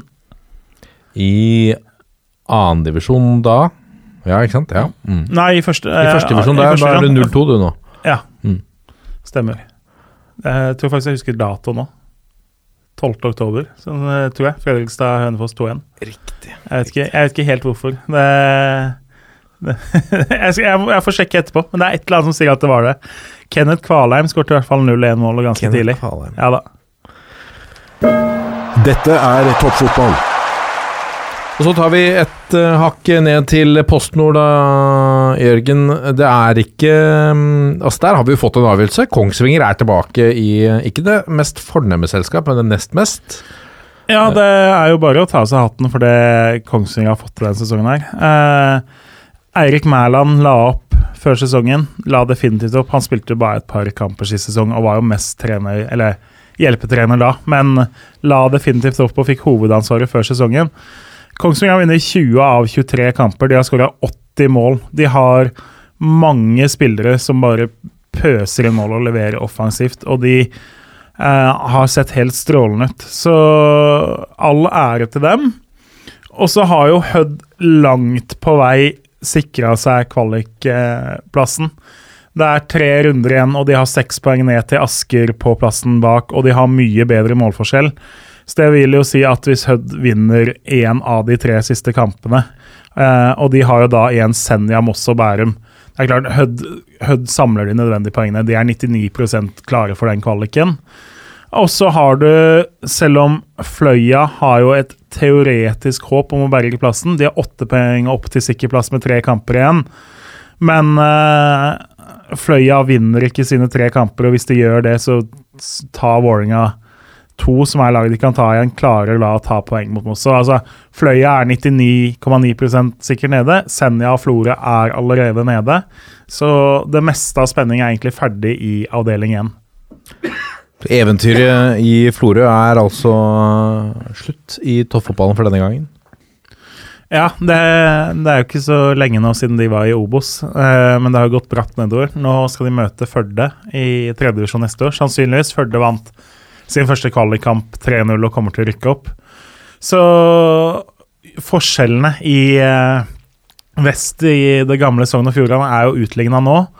Og Florø Noen er jo litt overraska at det har gått så fort nedover. Jeg spådde dem på nedrykk før sesongen, og det er et helt nytt mannskap før sesongen igjen. Henta noen utlendinger, men ellers er det veldig mye ungt og veldig mye uerfarent. Også litt skader og litt folk som har forsvunnet tilbake. Så på en måte nesten hele gjengen som har vært med på oppturen, er borte. Det er mer eller mindre bare Christer Husa, eh, midtstopperkjempen, som er igjen. Alt annet er borte. Så, så eventyret eh, Florø, det har definitivt tatt en slutt. Og det blir veldig spennende å se hva som skjer med dem i tredjedivisjon. Forsvinner alle utlendinga, og de må hente lokale spillere fra fjerdedivisjon, så blir det en nedrykkskamp. Eller om de har ambisjoner om å stusse opp igjen og kjempe i toppen. Så Eh, Det vil ikke sjokkere meg om Florø kan dette ned enda en divisjon i løpet av ganske få år. For det Det har vært dramatisk, da. Ja, men det er klart, ikke sant, nå har de Hvis du ser på spillerne de har nå, så er det en blanding av lokale 17-åringer, og så er det folk som er henta inn utenfra kun for å spille fotball. Og veldig mange av de kommer til å forsvinne. Ja. Eh, og da er jo sant, spørsmålet hva gjør du for å erstatte de? Henter du nye utlendinger, henter du folk fra Bergen, eller henter du juniorer fra toppklubba, eller satser du på folk som kommer fra Fjøra, Årdal og Eid? Eh, gjør du det, så er tredjedivisjon såpass tøff at de kan få problemer der. Og hvis de havner i den avdelinga med lagene fra bergensregionen, så er det mange gode hardtsatsende lag der. Så der ser, der ser man et såpass hardtsatsende lag som Lysekloster ligger på nedrykksplass med 90 minutter igjen. Så kan, kan godt lagre dette på minnet, og så kan vi se om et år om Florø faktisk er i nedrykksstriden i divisjon. Det ville ikke overraska meg, faktisk. Nei. Hvis vi går til uh, Post Nordligaen avdeling eh, to, der er det Skeid og Egersund som har uh, skaffet seg en luke ned til Vard Haugesund på tredje. Det er klart, altså det er åtte poeng fra Vard til Egersund på kvalik, så det skal jo skje noe veldig snodig for at ikke Skeid og Egersund blir nummer én og to. Eh, og Skeid har jo da det ene poenget ned til Egersund med tre kamper igjen. Så har jo da Skeid igjen erkerival Kjelsås nå til helga, som blir en nøkkelkamp for dem. Rosenborg 2 i neste runde kommer de jo til å knuse. Rosenborg 2 har jo stilt veldig ungt i hele år og fått det kjempetøft og blitt knust i nesten alle kampene. Én seier på 23. Ja, og masse grusomme resultater. Altså, de eh, slapp inn syv mål bort mot Notodden nå nylig. De slapp inn ni mål bort mot Arendal. Slapp inn seks mål bort mot Kjelsås. Slapp inn fem mål bort mot Sotra. Slapp inn fem mål bort mot Levanger på den korte turen dit. Så Men hva er det som skjer der nå? Eh, U19-laget, var det ikke det også som tapte 10-1 i Europa? ja, og slapp inn 14 totalt da mot Midtjylland på to kamper. Det, Hva er det som foregår i Trondheim? I fjor så holdt de jo plassen greit. Da hadde de en del eh, førsteårsseniorer og sisteårsjuniorer som gjorde, utgjorde en del av stammen. Den gjengen som har spilt annendivisjon i år, det er vel, stort sett veldig unge spillere. Veldig mange førsteårsjuniorer som eh, har vært nødt til å spille veldig mye der. Fått veldig lite hjelp fra førstelaget. Det har vært noen kamper på hjemmebane. Man har spillere på vei, skade har, på vei tilbake fra skade som har spilt én omgang og sånn. Det er klart, Augustinsson på venstrebekk i 45 minutter når han bare skal teste seg litt på vei fra skade, det, det hjelper ikke når resten av laget er 16 år gamle. Så det, Altså for noen, Da det var fire avdelinger, så kunne du klart å gjøre det sånn som det her, og så stiller du toppa i fem hjemmekamper, så holder det akkurat. Men å sende en gjeng 16-åringer i Norge rundt i sånn andredivisjon er nå, det er sjanseløst. Og du ser jo Vålerenga stiller veldig ofte med veldig mange fra benken, og derfor har de bare å se. Odd også går stort sett all in, har med så ofte de kan, nesten tre overårige og alle de beste unge fra Asdalen. Mye 19-20-åringer der som holder bra andredivisjonsnivå, derfor berger de plassen. Rosenborg har sendt de på en måte gode trønderske 19-20-åringa rundt til Ranheim og Byåsen og Nardo og andre steder, og da blir konsekvensen det. Men ja, eh, Skeid, og så skal de bort mot Fram Larvik i siste, så det blir veldig spennende å se om de klarer å beholde det forspranget. Egersund jo, skal jo også de skal jo opp til Trondheim og møte samme Rosenborg 2 nå. Eh, så skal de møte eh, Notodden, og så har de en litt vanskelig bortekamp mot Arendal i siste. Da er det litt sånn på Altså Arendal borte, hvis Arendal har hatt noe å spille for. Men Arendal har blitt hekta i den toppstriden. De Leda jo veldig lenge og så veldig ut som en uh, opprykkskandidat. De starta vel med seks strake seire, eller hva det var. Jeg tror de starta med å vinne de seks første, og så etter det så har de da vunnet fire av de 17 neste kampene sine, eller noe sånt noe. Så Arendal har falt voldsomt sammen etter å ha sett ut som den store favoritten. Så Eh, fordel Skeid, men eh, bortekamp mot Kjelsås eh, det er aldri lett når man vet at de to lagene de elsker å møte hverandre og vil gjerne ødelegge for hverandre. Og mot vår venn Håkon Lunov da, i Fram Larvik også. Ja, det er klart I bunnstrinnet. Rosenborg er jo nede. Eh, Fløy har jo da henta en Joey Hardarson som trener, men fem poeng opp til sikker plass nå. Det må et lite mirakel til, men de har jo da Fram, Nardo og Kjelsås i de tre siste sine. Så tre lag som fortsatt kjemper i bunnen der. Eh, trenger nok å vinne alle tre for å berge plassen. Nardo, eh, dessverre, er jo nedi der. Jeg, jeg, tror jo fortsatt Nardo kommer seg unna. Nardo er litt sånn katten har ni liv. Og så har de da Nå har de først Odd eh, 2 eh, hjemme eh, på mandag.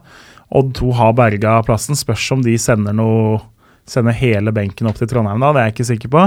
Så møter jo da Fløy hvis, i en rein nedrykksduell der.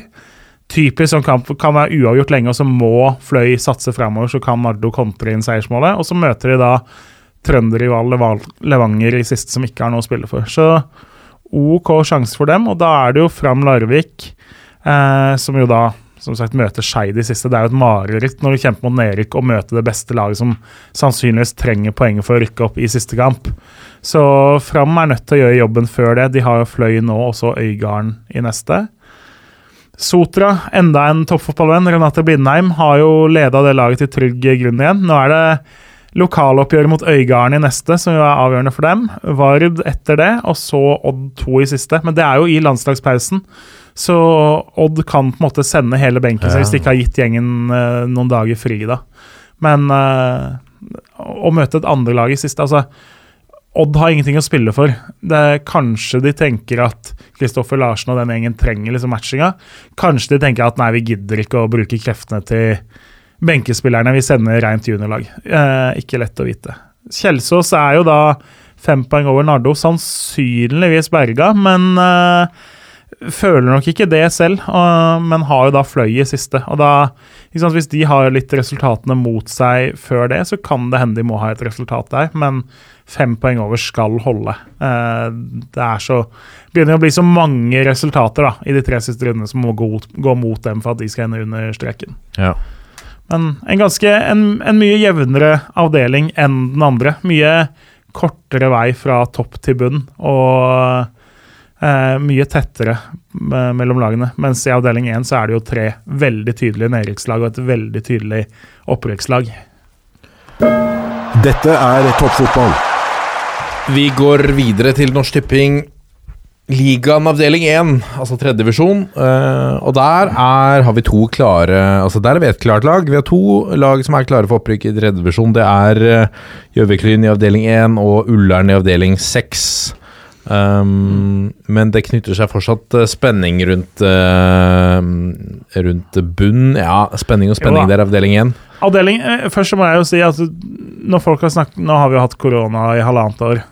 Hva, folk, har- hva har du savna mest, Martin Røppestad, under korona? Var du liksom Fotball. Ja, men ja, Fotball generelt? Det har jo vært spilt fotball. Uh, savna eh, Ørn Horten, ja. Og, folk, ikke sant? Og, folk, og så er folk som savna å gå ut og savna? Savna, Vet du hva jeg gleder meg til nå, som jeg ikke har fått gjort for lenge? Nei.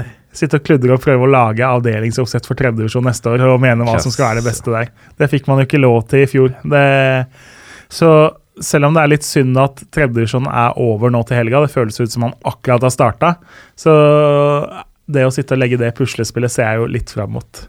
Ja, for du er ofte uenig med oppsettet som kommer, og har Det er velbegrunnet også. Ja, nå jeg har allerede starta litt å se på noen varianter der. Og det kabalene går ikke Det er liksom sånn Det mangler én puslespiller. Og så hvis det går opp geografisk, så blir det så skeivt med andre lagene. For da eh, jeg, jeg fikk til et oppsett nå eh, med litt sånn Ok, disse rykker sannsynligvis ned, disse rykker sannsynligvis opp og sånn. Eh, som var veldig fint geografisk, men da sto det igjen med én avdeling hvor du har ett andre lag på Vestlandet, og så har du en annen avdeling med seks andre lag, og det går jo ikke. Så det, da må puslespillbrikkene justeres. For de som ikke henger med på dette nå, dette er altså breddefotballnerding på absolutt ypperste nivå. Det er en gjeng Dere er en liten gjeng. Det det er er, en deg veldig liten gjeng. ja, og et par til som setter opp deres eh, altså eh, på en måte variant av et alternativt statsbudsjett. Det er Ja. jo eh, deres alternative Vi divisjonsoppsett i tredje divisjon. det var en på Twitter for noen år siden, 30 Christian. Han var vel inne og meldte litt til oss så kanskje han hører på, for alt du veit. Men han ga seg jo på Twitter. Han var jo enda ivrigere enn meg på dette, og enda tidligere ute enn meg òg. Mm.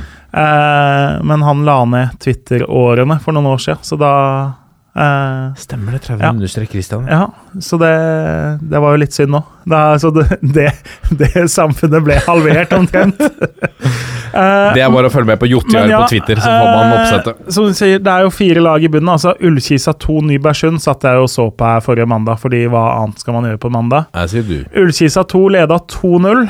Uh, Nybergsund fikk én mann utvist, skulle ha hatt minst én mann utvist. Jeg meldte noen at Altså, det så ut som jeg, Du vet sånn på Fifa, hvis du klikker, så får du fem utvist, da blir kampen avlyst fordi du må ha minst sju spillere på banen.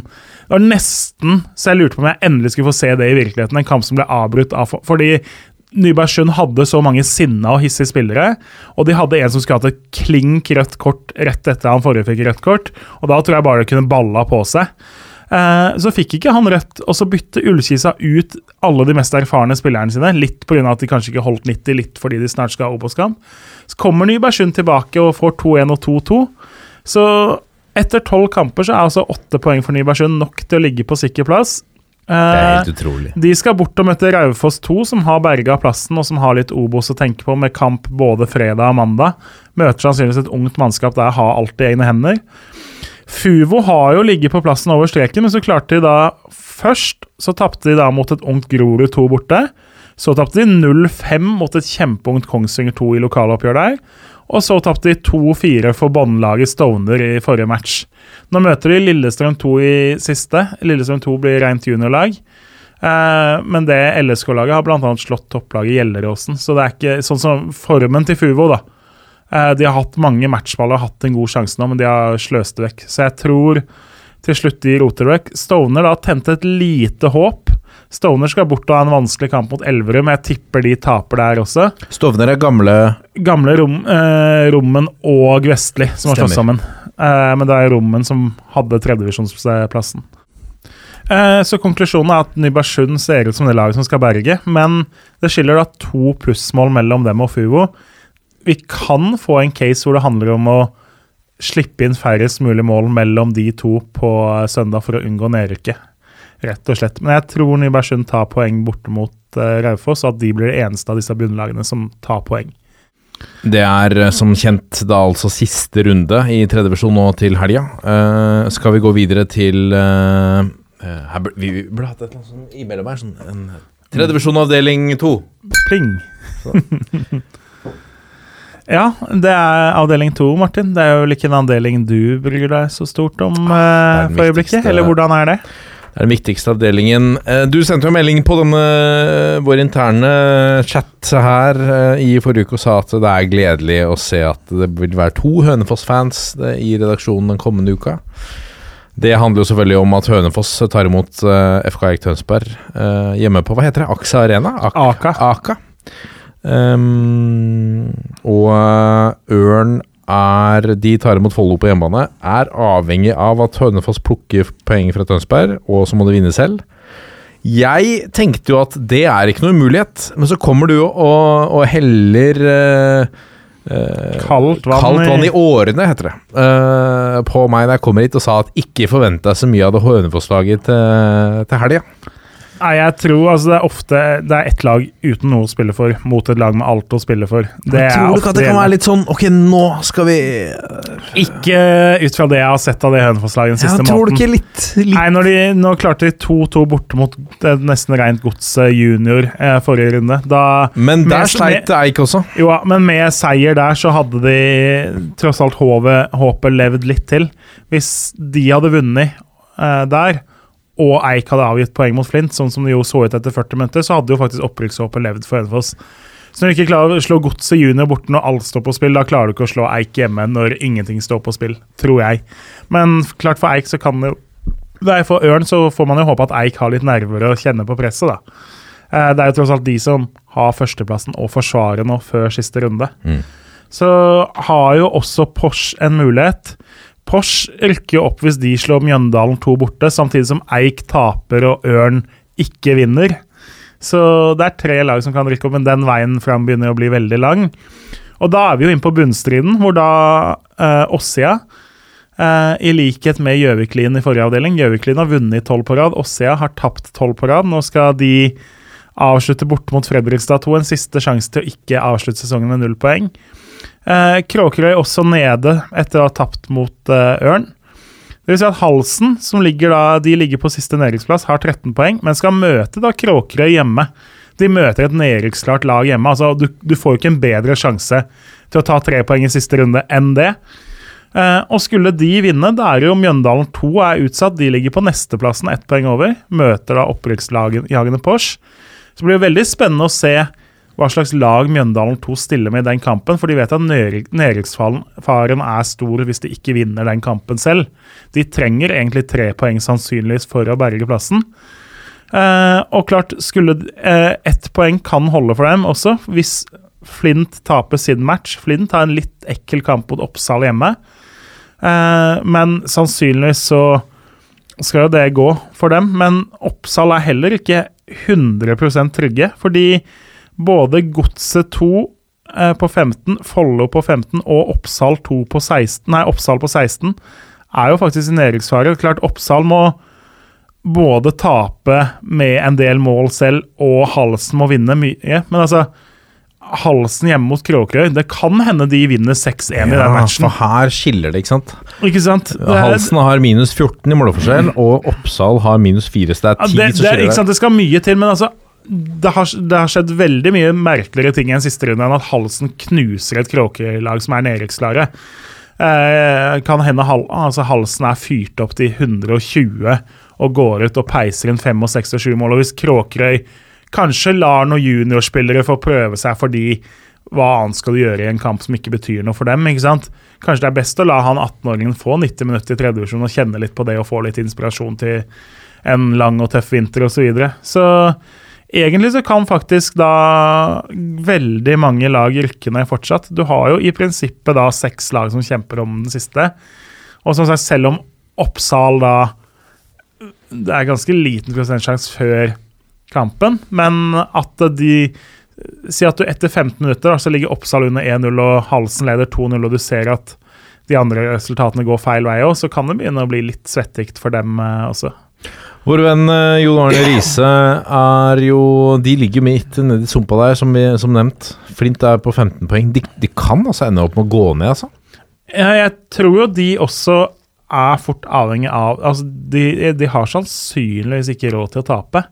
Eh, for det er Ja, de må nok ha ett, kanskje tre poeng, og det kommer til å bli en veldig gøyal nedrykkstrid underveis, fordi lagene kan bli nødt til å endre så mye på hvordan de forholder seg til kampen ut fra andre resultater.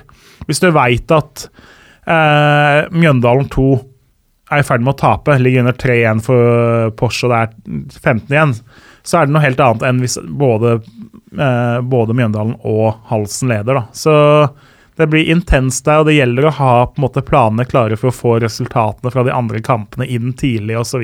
Hva tror du, da? Fotballeksperten eh, Jørgen Ja, Kjernås. nei, si, jeg tror Mjøndalen rykker ned. Jeg tror ikke Mjøndalen stiller sterkt nok med tanke på at de har eh, en plass i Eliteserien som betyr mye mer, og de møter et så godt lag i Porsch. De har stilt ganske OK og fått dårlig resultat i andre kamper tidligere. Så for meg så er det mest sannsynlig at Halsen vinner. Mjøndalen vinner ikke mot Porsch, og da, da blir det ikke så dramatisk som det potensielt kan. Så det For da går Mjøndalen ned da går Mjøndalen to også, ja. Ja. Det er det mest sannsynlige. Ja. Det blir jo uh, meget uh, Det blir meget spennende, selvfølgelig. Uh, den avdelinga der er uh, uhyre interessant. Subjektiv som få. Vi går videre til uh, tredjevisjon avdeling tre. Er det investert mye i jingle her? Eh, vi kan starte med bunnkampen, fordi den er eh, ganske ukomplisert. Madla og Don er allerede nedrykksklare. Hinna er på 11 poeng, minus 12 i målforskjell. Kan ta igjen Åkra, som er tre poeng foran og har minus 3 i målforskjell. Det vil si at Hinna må vinne, Åkra må tape. Eh, I tillegg så må de altså hente inn ni mål. Men Hinna spiller da mot nedrykksklare Madla borte. Eh, igjen møter du et lag Kan som er nedrykksklart, og som har sett Altså, Madla hadde et bitte lite håp og skulle møte nedrykksklare Don sist helg. Tapte 0-5. De tapte 0-5 for bunnlaget Don. Når de da møter et hypermotivert Hinna, så kan de fort tape med fem mål igjen. Uh, seks, ikke sant? Hvem er det Åkra har, da? Åkra har da Start 2 borte, eh, som jo blir et rent juniorlag, men Start-juniorene har gjort det ganske habilt. Altså Start vant 4-0 mot nettopp Hinna sist helg. Så Uh, ja, det er ikke helt avgjort. Uh, det skal jo veldig mye til for at Hinna skal ta en Åkra, men håpet lever for dem. I toppen så hadde vi jo en ufattelig spennende toppkamp nå sist del. Eller mange spennende toppkamper, men mest av alt da Brodd mot Stål. Mange hundre på tribunen. Eh, Jonas Halsne skårer et nydelig frispark for Brodd, 1-0. Men så på overtid, du kan jo gjette hvem som skårer for Stål til 1-1. Det er Even Østensen, så klart. Hvem andre? Eh, Even Østensen har vært den store forskjellen i år. Han har skåra mange mål, og han har skåra viktige mål, og på viktige tidspunkter. Tror du han blir med opp, da? Han gjør det, Ja, selv om han liksom har gitt selv om seg. ja da, det, er, det regner jeg med. Så status er Stål er på 24 poeng, ett poeng foran eh, eh, Sola. Vinner, eh, Vinnes Stål hjemme mot Ekspress i helgen, kommer til å være mange hundre på Jørpeland som er å se på, så er Stål opprykksklare. Og selv om de har vært på nivå tre tidligere, så var jo mange avdelinger da mange flere avdelinger i eh, annendivisjon på den tida. Så for dem så vil det være et tilnærma historisk eh, opprykk. Skulle de snuble, så er det jo et helt kobbel av eh, forfølgere. Det har jo vært enda jevnere for noen runder siden.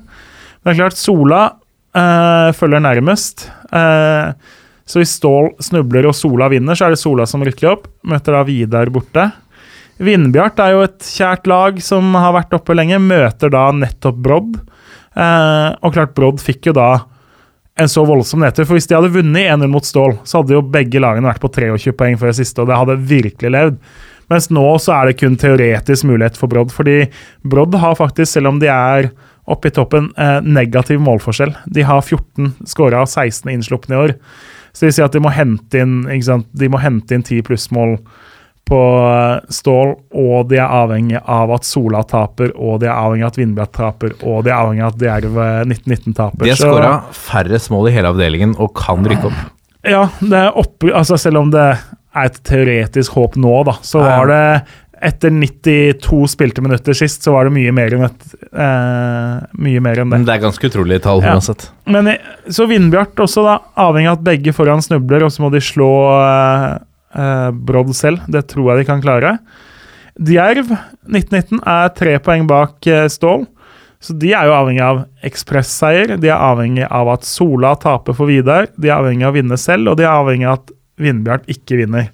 Med andre ord, jeg tror vi kan skrelle bort de og slå fast at Stål har en kjempesjanse nå. Skulle de snuble, så er det soleklart størst sjanse for at eh, Sola eh, vinner. Eh, det ser lyst ut for Sola da, si. Oh. Eh, og skulle de også snuble, så er vi på. Så jeg er vel på vi på 70-75% for Stål, og så er vi på 20 for Sola, og så går nesten resten, eh, kakerestene til Vindbjart. Og så har du bitte litt teoretisk mulighet for Djerv, og en én kakesmule igjen for Brodd eh, opprykk av hele kaka. Det ble mye kakeprat. Ja, nå fikk jeg lyst på kake, jeg skjønner ikke helt eh, hvorfor. Nei. uh, vi går videre til uh, tredjedivisjon avdeling fire. Yes, Der er det to lag som har imponert voldsomt egentlig hele sesongen. Det er synd bare ett av dem eh, rykker opp. Frygg leder med ett poeng på Fana. De to lagene møttes jo i første serierunde. Da ble det anstendige 6-1 til Frigg. Eh, det ser jo ut som det kan avgjøre egentlig hele sesongen, for nå leder de med ett poeng over nettopp Fana. Knuste jo da Lyn 5-0 i helga, Fana. Nei, Frigg. Frigg. Kjempeimponerende, kjempesterkt, kjempegøy for dem. Altså, slå Lyn 5-0, sånn som ting er nå. Lyn er nede på Hva er det Eh, Lyn er nede på fem...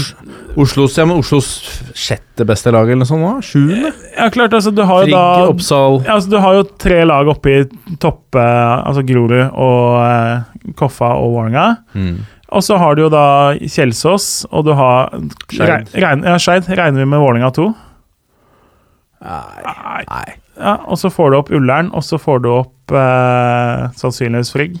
Ja. Eh, og så kan det jo diskuteres Det er klart Oppsal har ikke gjort noe god Nei, de i sin avdeling. Lok. Lokomotiv Oslo ligger jo på annenplass i sin avdeling. er bedre. Så, så klart Lyn ligger altså to poeng bak Bjørg. Eh, tenk hvis du hadde vært Lyn-supporter, og så falt du i koma eh, etter 24. serierunde i 2005. Eh, da Lyn kjempa om gull i Tippeligaen. Da de solgte Og så våkner du opp eh, 16 år seinere, og så oppdager du at eh, ok, nå er det det handler om resten av sesongen for vår del. Det er faktisk å vinne siste serierunde, for da kan vi ta fjerdeplassen fra Bjarg i tredjedivisjon. Uh, det, det, da tenker jeg at du bare Du bare lukker øya igjen, tenker jeg. Så nei, Lyn Jeg bare ser for meg fortsatt det La oss holde litt i det øyeblikket der. Du våkner fra koma. Rett, få, få en tabell. Ja, fy faen. Blei ble det gull? Blei det gull? Snubla Start og Vålerenga? Please si at de snubla.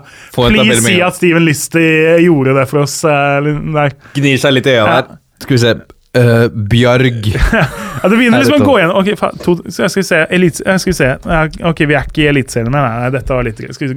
Ok, eh, vi, der skal vi se først. Tredjedivisjon, ja. ja. Ja, men da, da Såpass. Ja, da rykker vi vel rett opp nå. Men nei da, vi er bak Bjarg. Uh, nei, Lyn. Masse gode spillere. Men eh, det er jo det fine med fot... Eller en av de mange fine tingene med fotball. Det holder ikke å stille opp en lagoppstilling med elleve eh, gode, sterke navn og folk som har fine CV-er, hvis du ikke klarer å forme et lag. Eh, jeg har ikke sett nok av Lyn, eller tenkt nok av det på den måten til å liksom klare å slå fast dette gjør Lyn feil. Men det er klart at med det laget de har, og det navnet de har, og de ressursene og ambisjonene de har, så er det en ufattelig underprestering å ligge på femteplass i tredjedivisjon og få juling av Frigg. Det er jo ikke sånn at de liksom har vært med i kampen, eller de starta jo så skeivt at eh, det mest spennende har egentlig vært om man klarte å komme seg unna nedrykksstriden. Opprykk var kjørt allerede etter et par eh, serierunder. Spilte uavgjort mot Årdal og Sandviken eh, i de to første hjemmekampene og sleit seg til seier mot eh, Brann. Eh, tok altså sin første seier i femte serierunde mot Brann junior da, på hjemmebane. Så det har vært en blytung lynsesong, så det hjelper ikke med ti millioner da, inn i sånn innsamla eh, aksjeaksjon. Men- Skulle du inn der og selv ja, og så henter henter Jo Nymo Matland De henter Noah Beck Hermansen tilbake fra Serie A-opphold. Det er jo en Det er jo den mest oppsiktsvekkende signeringen omtrent eh, i hele år. Det, det hjelper ingenting. De Lyn enda en sesong på nivå fire, og nå er det jeg får se, altså Bent Inge Johnsen har hatt sine forsøk kanskje nå. Det blir Han spennende er å vel se. ferdig nå, kanskje. Det, det er ikke noe utvikling. Jeg så at det er ulmet litt blant supporterne der, at nå ville de ha en, eh, en eh, annen mann igjen. Ja, altså når du, når du tar den jobben, så veit du at det er opprykk det handler om. Ja. Du ser mulighetene, du ser potensialet. Så klart, altså Han var trener i Gjelleråsen. Når du får tilbud fra Lyn, så skjønner man at du hopper på den. Men når du mislykkes da, da ligger det liksom i fotballens natur at man vil prøve noen andre. Mm. Og I hvert fall når du er så langt bak. Du ser at Frigg er et ufattelig mye bedre fotballag. Da gjør man ikke ting riktig, rett og slett. Men i- Spennende. Gøy med Frigg, da. Iherdig supportergjeng og, og Ja, så har du jo da altså Vita Kaba har jo kommet tilbake og skåra masse. Ulrik Feirer, som spiller sammen eh, offensivt. To veldig, veldig gode Hvor er eh. Vita Kaba vært? Han var jo først i Arendal, i fjor så var han i Skeid, men han spilte var nesten bare innbytter. Jeg tror ikke han starta mer enn en kamp eller to. Han har vi snakket litt om her i Ja da, så, og nå de to sammen nå, så har de henta tilbake et par andre gamle Frigg-spillere, og de har egentlig skapt seg et veldig godt lag. Så det blir interessant å se dem på nivå over. Men hvor spiller de kampene sine? De spiller på den banen som ligger jeg ikke, ikke rett nedafor NRK, men som liksom ligger litt bak der ved Majorstua. Så, ja. Eh, der har jeg, jeg, jeg lurer på om jeg har spilt min siste kamp i åttende divisjon der òg. Oh. Eh, bortsett fra litt sånn gjesteopptreden. Kom inn på 20 minutter før slutt på ledelsen 3-0, tapte 4-3. Skulle inn og trygge ledelsen. Det gikk Så ikke så bra. æren din ligger det, igjen på det, den ikke, banen. det er ikke en bane jeg er glad i, for å si det sånn. Men ja, eh, i bunnen så som Altså, vi har Lysekloster på nedrykksplass der. Milliard, mi- milliardærene. Ja, vi, altså, hvis Lysekloster rykker ned Nå har de, de har tapt borte mot Årdal, som eh, rykker ned. De har klart å nå tape borte mot Fjøra. Uh, det er Ja. Lysekloster burde vært et topplag i denne avdelingen. Så vi snakker om at Lyn underpresterer. Lysekloster ligger faktisk på nedrykksplass. Uh, nå skal de møte Bjarg, nevnte Bjarg. Uh, Med bedre Brede ja, eh, og ikke minst da en osing på eh, topp, sannsynligvis. Eh, Lysekloster ligger jo et lit, noen kilometer utafor Os sentrum. Det er jo Os som på en måte er Kristoffer Hafsås, som spiller på topp for Bjarg, er jo fra Os og har jo da eh, spilt for Os ganske nylig, i hvert fall. Han er ikke fra, han er ikke fra Os, det må jeg trekke til, men han spilte for Os før han gikk til Bjørg. Så det er ganske mange. Jeg så det var var det Leikvoll Moberg som var ute på Twitter, tror jeg, og, som jo er fra Os, og oppildna han til at nå, nå har du muligheten, liksom. Nå kan du bli eh, en ordentlig Os-legende. Os Osing. Hvis, hvis du sender ned Lysekloster i siste runde, da, da rykker du opp på Os-skalaen ganske mange hakk, for å si det sånn. Så nei, det kan være slutt for dem. Og der er vi jo da inne på Hvis Lysekloster da tar poeng i sin kamp, så trenger jo da Brann to poeng i sin kamp for å ikke rykke ned. Og da er vi også inne på hva gjør Brann 2? De skal spille på lørdag, den matchen. Og så har, da, så har de kamp igjen på søndag, som er livsviktig i Eliteserien. Hvor mange sender de, hvem sender de, hvor spiller de 90 minutter, spiller de 60 minutter? De skal møte Stord hjemme, trenger sannsynlig seier, i hvert fall uavgjort, eh, i den kampen. Så det blir interessant å se avveiningene andre lagene skal gjøre. Veldig. Eh, jeg tror da Jeg tror Lyskloster klarer det, og så tror jeg Brann Putter noen penger i potten der. Tror jeg- Holder det tror og for det tar- 10 000 på lønna? Så tror jeg Brann tar poeng, og så har Fjøra møter jo da Fana borte. Eh, Fana jakter opprykk. Jeg tror Fana taper den, og så ser de at både Brann og Lyskloster, som er ett poeng bak, men begge har bedre målforskjell, at begge de hopper forbi. Så blir det Fjøra som rykker ned. Og da ender det jo i så fall ned at alle gamle Sogn og Fjordane sine tre representanter ender på nedrykksplass. Eh, så blir da heller for, nevnte Førde og Florø som er de to representantene derfra neste år. Så helt nytt tredjevisjonskart for Sogn og Fjordane er da ganske sannsynlig der. Spennende. Vi går til tredjevisjon avdeling fem. Yes, En eh, avdeling som var vanskelig å spå på forhånd. Veldig jevn. Veldig, ingen sånn veldig tydelige opprykkslag. Og det, så resultatet med 90 minutter igjen er jo at Treff fra Molde Uh, har alt i egne hender. De leder med tre poeng ned til uh, Det er jo et gammelt annendivisjonslag. Ja, men da med fire avdelinger. Så litt sånn Uh, Har jo kulthelten Jan Ove Vik på, tilbake på stoppeplass. Med den Man- korte shortsen. Med det veldig lange håret og de veldig korte shortsene. Eh, og med litt En rocker på fotballbanen. Eh, tilbake nå i der og har spilt på stoppeplass nesten hele sesongen. Treff møter da nedrykksklare NTNUI hjemme i siste kamp. En, ett poeng er nok til å rykke opp. Eh, har jo en trener som eh, De spiller jo siste kamp på lørdag. Mandag starter han i ny jobb. Eh, blitt eh, G14-trener i Vålinga. Så Men du har jo da muligheten til å avslutte med et ordentlig smell, da. Eh, og det er jo en voldsomt flott ting å kunne ha på CV-en sin. Han er 28 år eller noe sånt nå. 27-28. Rykka opp med treff. Det gjør seg fint på en uh, trener-CV. Ser finere ut enn tredjeplass med treff, ikke sant. Så uh, Og NTNUI hjemme, slitt med litt skader. Nedrykksklare, er svakere. eh, La oss ja. stoppe litt der. Vi, vi har også en trener som tar et lag til opprykk, kanskje da til PostNord. Hentes da inn som G14-trener i Eliteserien. Nå begynner vi å få decent nivå på, på trenerne på Ja, men det, det viser jo altså, G14-trener i Vålerenga er jo da en 100 %-stilling. Mm. Eh, nå vet jeg ikke hva han har i treff. Det ville overraska meg veldig om å være trener for treff A-lag er en 100 %-stilling. Ja. Eh, det å få jobbe i en toppklubb er nå, jeg, Uansett om du tenker CV eller om du tenker utfordring, eller hvordan du tenker, så er det en jobb du vil ta da. Det er mer lukrativt og mer attraktivt på veldig mange måter å være en toppklubb. Og hvis du gjør en god jobb med G14 der, så blir det G16 ikke sant? når de skal ha ny trener. Gjør du en god jobb som G16-trener i Vålerenga, så blir det G19 neste. Gjør du en god jobb da, så er du plutselig hovedtrener for Vålerenga 2. Gjør du en god jobb da, så er du aktuell for å kunne trene Skeid eller KFM eller Grorud eller bli assistenttrener på A-laget til Vålerenga eller Stabøker. ikke sant? Så det, er en fornuftig karrierevei sånn sett, og når du får en større prosentstilling òg, så Men det er jo litt synd òg samtidig. Mm. At å være trener for et G14-lag, en gjeng med niendeklassinger, er mer attraktivt enn å trene et annendivisjonslag. da. Det er jo synd at det er sånn. Det høres får- ut som noe er galt, men det er men bra for jeg forstår det veldig godt, da. Ja. Men synd er det. Men, og litt spesielt, da. Du, du, rekker, du rykker opp på lørdag, du sover sannsynligvis lenge på søndag, og så flytter du på mandag. Ja. uh, for altså, de, de slår NTNU hjemme. Noe annet ville vært utenkelig. Ja. Eh, og det er klart, Spjelkavik der eh, har hatt ting i egne hender. Tapte 2-0 borte mot uh, Ålesund.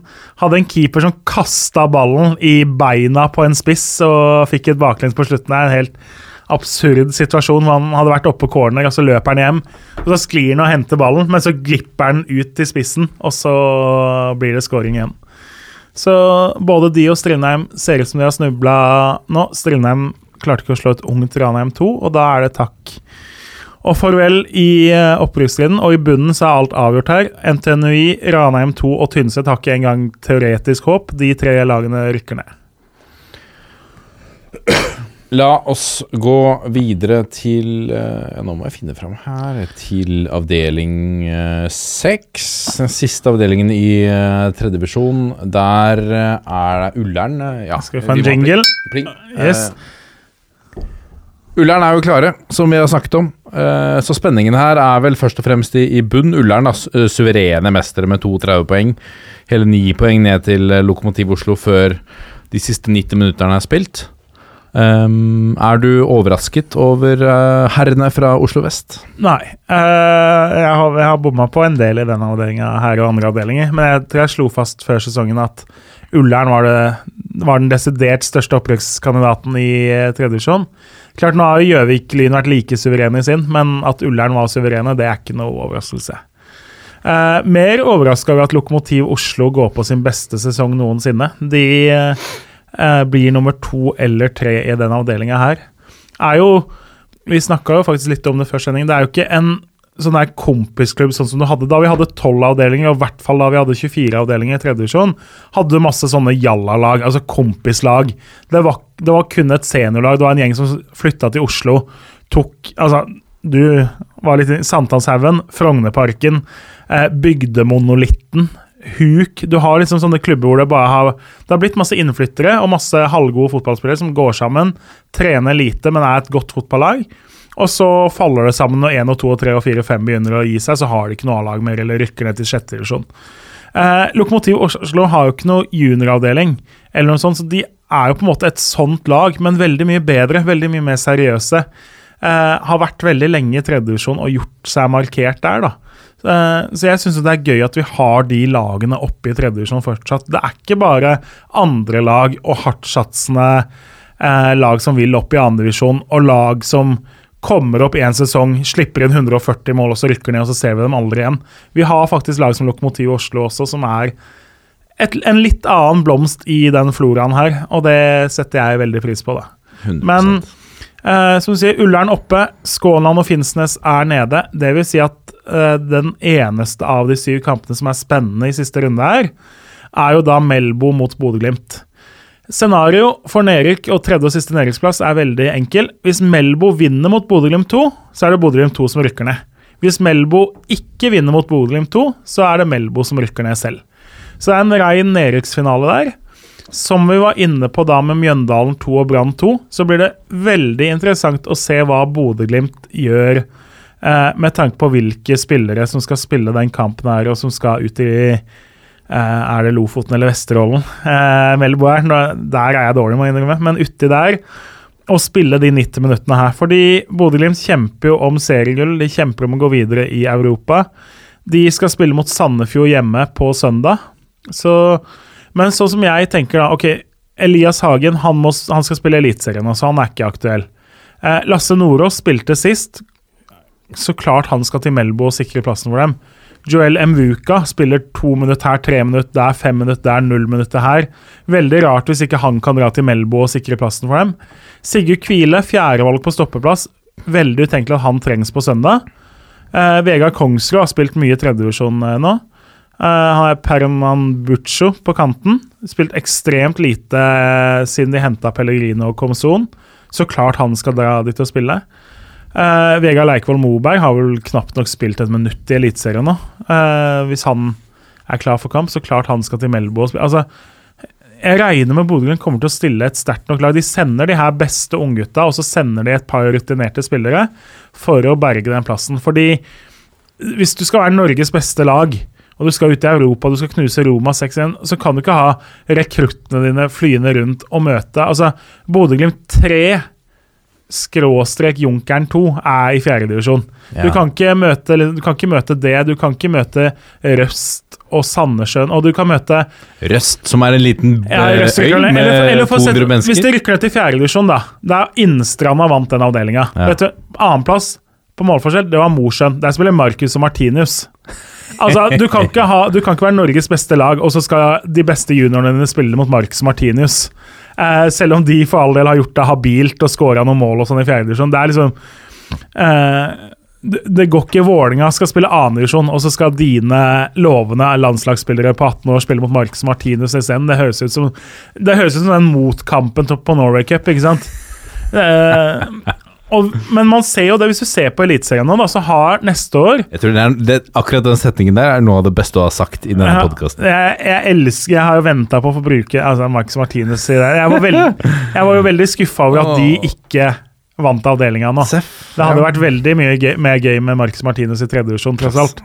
Men uh, neste år, da. Molde har i tredjedivisjon, Rosenborg er i tredjedivisjon. Bare kan jeg bryte inn? Bare tenk så gøy å ha hatt Marcus Martinez her i studio og kun snakka fjerdedivisjon. Ja, det har vært gøy. Det har vært jævlig. Ja, eh, og jeg har jo håper Sandnessjøen er jo nabobyen og erkerivalen. Ja, ja. Jeg har jo halve slekta mi der, og en eh, bestefar som var leder der i mange år. Så for meg så er jo Mosjøen og Marcus Martins det er jo det er ikke et hatobjekt sånn sett. For det er jo ikke mange gangene jeg har vært i Sandnessjøen de siste 20 årene. Men jeg håper jo hver gang jeg ser at Sandnessjøen og Mosjøen skal møtes, så klart at Marcus og Martinus og co. får bank. Men sånn var det ikke i år. Men i hvert fall nesten alle eliteserielagene kommer til å ha annetlag i annen eller tredje divisjon neste år. Eh, sånn som det ser ut nå, så klart altså Brann og Mjøndalen i fare for å rykke ned. Kristiansund kommer ikke til å ha det. Haugesund rykker sannsynligvis opp, og eh, Sandefjord sannsynligvis opp. Eh, Bodø-Glimt kan bli, sammen med Kristiansund, det eneste laget uten andrelaget sitt i andre eller tredje divisjon neste år. Eh, og det Den avdelinga oppi der, som sagt, med altså en fjerdedivisjon som Nordland fotballkrets sliter med å fylle opp. De må si, en blanding av trygle og tvinge lag til å spille fjerdedivisjon. Fordi det, hvis, du hører, hvis du er fra Rana, da, Mo i Rana, så er det ganske langt opp til Bodø å skulle spille de matchene.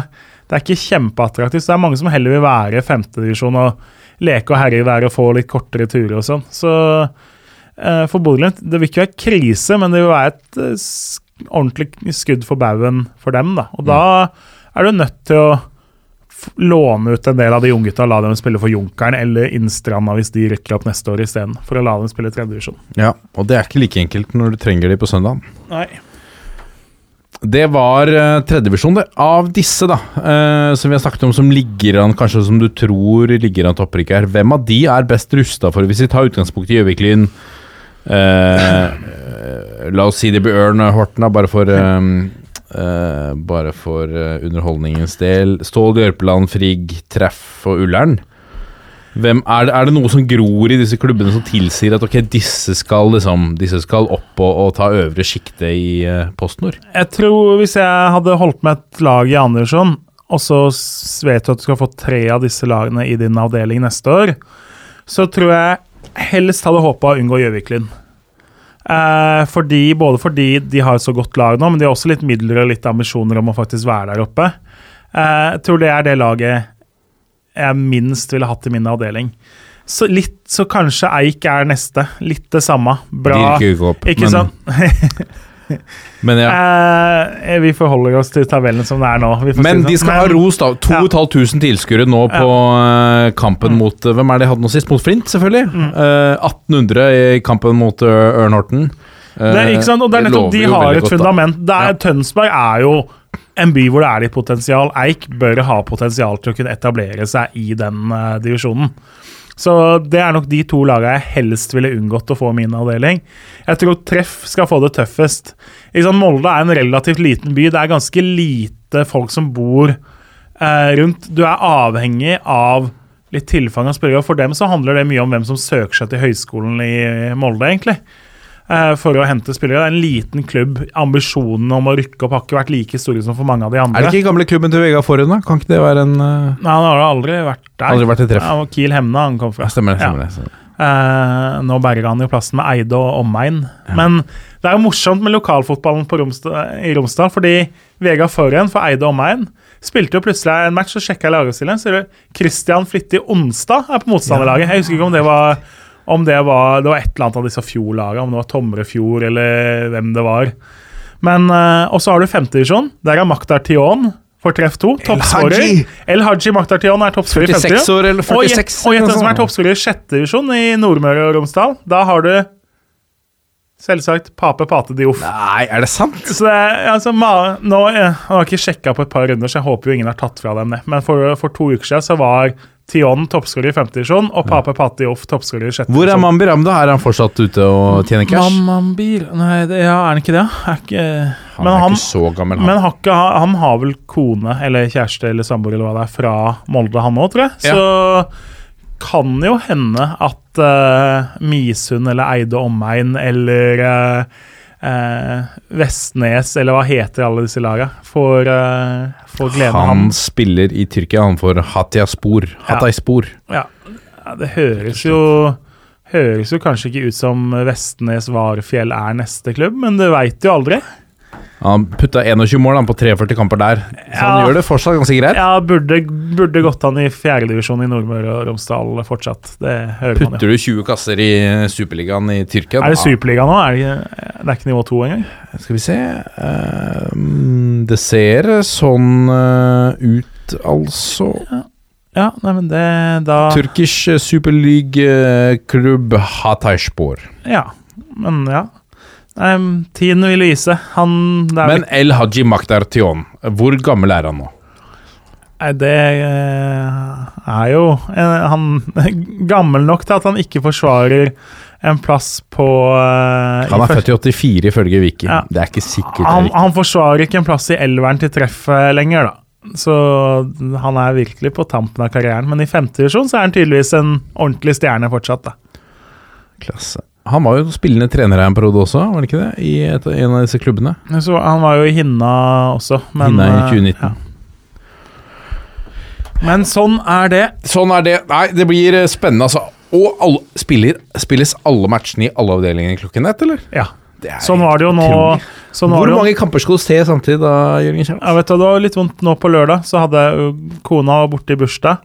Dattera mi skulle spille håndballcup. Vi måtte dra hjemme fra halv to. Alle kamper starta jo ett. Så det, Og ja, det var litt uh, En liten eh, skjerm på, hadde i ja, hallen det der? ble, ja, det rakk det mens de varma opp og hadde litt sånn, for det første kamp starta da 14.55, så jeg rakk liksom å følge innspurten på tribuna der og utstyrte minstemann med litt vafler og litt lekebiler, sånn at man fikk fulgt med. Men det, nå på lørdag så blir det noen skjermer og litt live-oppdateringer og prøve å følge med så mye som mulig.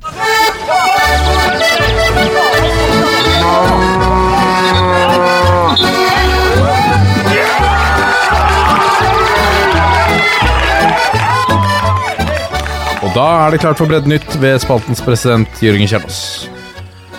Der, vet du, har vi spart oss opp litt. Eh, jeg tenkte vi skulle starte med sak. TV 2 har vel Jeg har ikke sett saken, men jeg vet de har lagd saken. Knut Håvel Heiås.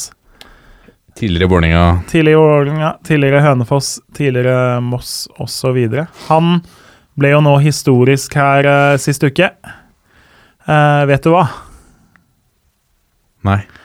Du kan få gitt ham at han skårte i 9. divisjon da, Han skåret i 9. divisjon. nå sist uh, uke. Ok. Så hva tror du han er den første til å gjøre? Den første til å ta salto i 9. divisjon, han skårer. nei, nei. Han er den første som har skåra i de ti øverste divisjonene. Å, det er helt rått, da. For vi har jo noen. Eh, Rune Stakkeland har skåra i alle divisjoner han har spilt i. Det er vel ned til 7. eller 8. Odd Karl Stangnes har gjort det samme, ned til 8. divisjon. Men Knut Hovel Heiaas er, så vidt man da vet, den første som har skåra til og med ned ni, i 9. divisjon. Og det er jo litt sånn fordi per nå er det jo kun Oslo og Akershus som har 9. divisjon, så det er ikke så lett hvis du holder til i Haugesund eller Alta og scorer så langt ned. Du må faktisk inn til Oslo eller Akershus for å få det til. Så han debuterte for Enebakk. Eh, Skårte da i 9. divisjon og har nå skåra i de ti øverste. Ble det laga noe ståhei rundt det, eller? Ja, TV 2 lagde jo da sak på det, var jo fulgte kampen og fikk, eh, fikk det med seg. Så er jo da casen at det vil jo tro noen av disse, altså sånn som Odd Karl Stangnes, og eh, la jo litt i å klare det samme ned til åttende. Så når han får høre om det her, så tipper jeg jo kanskje vi får se han i niende snart. Odd Karl Stangnes, som jo i fjor, eller var det året før, skulle bo på en øde øy et halvt år eller et år med hunden sin, men eh, endte opp i en så voldsom storm at de vel måtte evakueres, hvis jeg ikke husker feil. Herregud. Så han, han både, Hva du vet, gjør ja, det, han, Så det, det har ikke Knut Håvel Heiaas gjort, da. Bestemt seg for å kjøre liksom en ekstrem Lars Monsen. Så det får bli neste utfordring. Men det jeg skulle si, neste år, 2022, så innfører jo Oslo 10. divisjon. Så jeg er ganske sikker på at vi får se godeste Heiås, kanskje også Stangnes, kanskje Rune Stakland. Ja, så tenk det, 10. divisjon. Det er helt nydelig. Eh, Oslo har jo faktisk hatt 10. divisjon før, men da het jo Eliteserien førstedivisjon. Ja. Så vi ser at 10. divisjon da var jo nivå 10. 10. divisjon neste år blir jo faktisk nivå 11, så det er så vidt jeg vet første gang det er et nivå 11 i norsk fotball. Er det unikt i verdenssammenheng? Nei, det, altså Går du til England, så har du jo nivået langt nedafor det. Da Ja, men ned til som har skåret i fallet. Jeg har ikke peiling. Det, men fotballen er jo bygd opp på veldig mange altså Sånn som i Spania, så Der har du jo så mange nivåer på nivå tre og så sykt mange på nivå fire Ja. at uh, jeg veit Altså, nivå ti der, det må jo Jeg vet ikke om det fins, nesten. ikke sant? Det, det finnes sikkert, men eh, Ja, så jeg tipper jo vi får se disse gutta melde seg inn i noe tiendevisjonslag og gjøre opp seier mellom det. Det hadde jo vært veldig gøy hvis Odd Karl Stangnes hadde fått en niendedivisjonsskåring, og så kom seg til tiendedivisjon, og så kunne de møttes i kamp. Og så hadde jeg egentlig hatt to spillere som bare gikk all in på å score først. Fordi hvis Stangnes skårer før Heiås, Ja, så blir han ja, ja. historisk. Hvis Heiås skårer først i den kampen, så Jeg syns noen skulle fått organisert det. Meldt dem inn i to lag som møtes i første serierunde, og så får du to spillere som bare tenker på seg selv på hvert sitt lag. Eller på samme lag, ikke minst. Så du ser at han andre er i ferd med å score, så kommer det inn en knottetakling bakfra, feller egen spiller for å hindre han, eller et eller annet. Det, nå er, nå er du på Nå er vi langt ned i bredden her. Odd Carl Stang Fiktive, potensielle Drømmeoppgjør i tiende divisjon. Sa, Sagene fire mot uh, Majorstua tre, eller et eller annet sånt, og så har du den duellen. Knut Hovel Heiås er 44 år for øvrig. Ja. Det er godt å høre at man holder Og koken. jeg er egentlig imponert over at han har scora i alle divisjoner. For det er sånn jeg husker han fra Hønefoss, så var han sykt god på å skaffe litt billige straffespark. Eh, det perfeksjonerte det der med å bli løpt i beina på og få straffer. Det er jo en kunst i seg selv. Det er vakkert. Så det var første saken. Eh, andre saken, da tenkte jeg vi skulle Den er veldig kort, veldig kuriøs. Eh, jeg syns det er veldig fint at Stavanger Aftenblad har jo satsa veldig på lokalfotballen i år. Fulgt det tett. Har en egen journalist som kun har lokalfotball som eh, sin arbeidsoppgave. Eh, Lagd mye gode saker. Men så har de jo også gjort det sånn at uh, de har referater fra alle kamper og sånn, og noe av det blir jo da uh, autogenerert via det er vel NTB sin robot, tipper jeg de bruker, som lager, liksom lager saker ut fra kampfaktaen på, eh, på fotball.no. Så er jo problemet da at hvis du er, spiller seniorfotball eller juniorfotball og er under 14 år eller under 15 år, eller hva det er, så står det bare skjult personinfo på deg. Det står ikke hva du heter hvis du er 14 år og spiller juniorkamp. Eh, som da sørga for at roboten lagde da saken 'Skjult personinfo skåret hat trick for Sandnes Ulf'. Den er eh, ja. den er. Så fin satsing, men det er klart det, det er den mest kuriøse målskåreren jeg har sett eh, en nyhetssak på. Så skal vi snakke om Jeg føler jo ofte at når vi er på høsten og har breddespalte, så er det noen sånne regler som skaper veldig merkelige varianter rundt om. Ja. Uh, jeg tenkte først vi skulle til uh, femtedivisjon i uh, Troms. For der hadde du følgende sluttabell på uh, etter en lang sesong. Skal vi se. Eh, nei, nå hadde jeg selvsagt ikke det skjermbildet akkurat her, men jo. Du hadde Hamna, som eh, endte på 19 poeng. Ulfstind endte på 19 poeng. Nordreisa på 19 poeng. TSI, som er Tromsø-studentenes idrettslag, på 19 poeng. Og Rams, Ramfjord på 19 poeng. To lag skal opp. Hvem skal opp? Jo, egentlig så er det jo lagene med best målforskjell.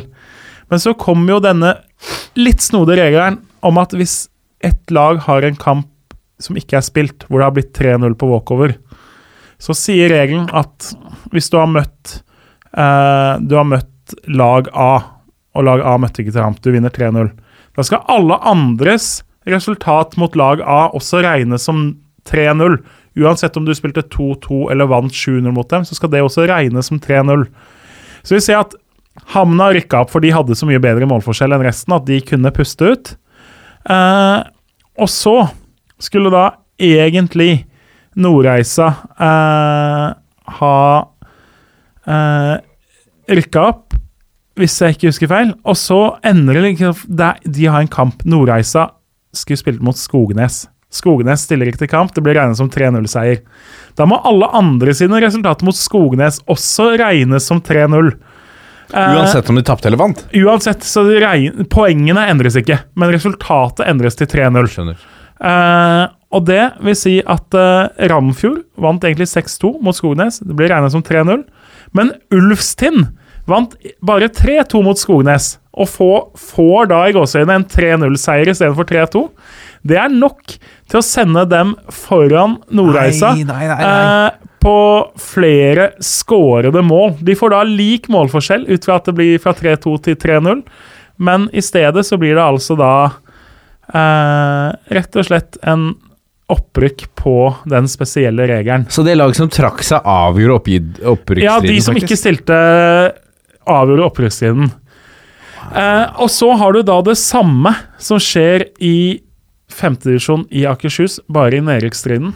Eh, der hadde du Flisbyen, rykka ned soleklart.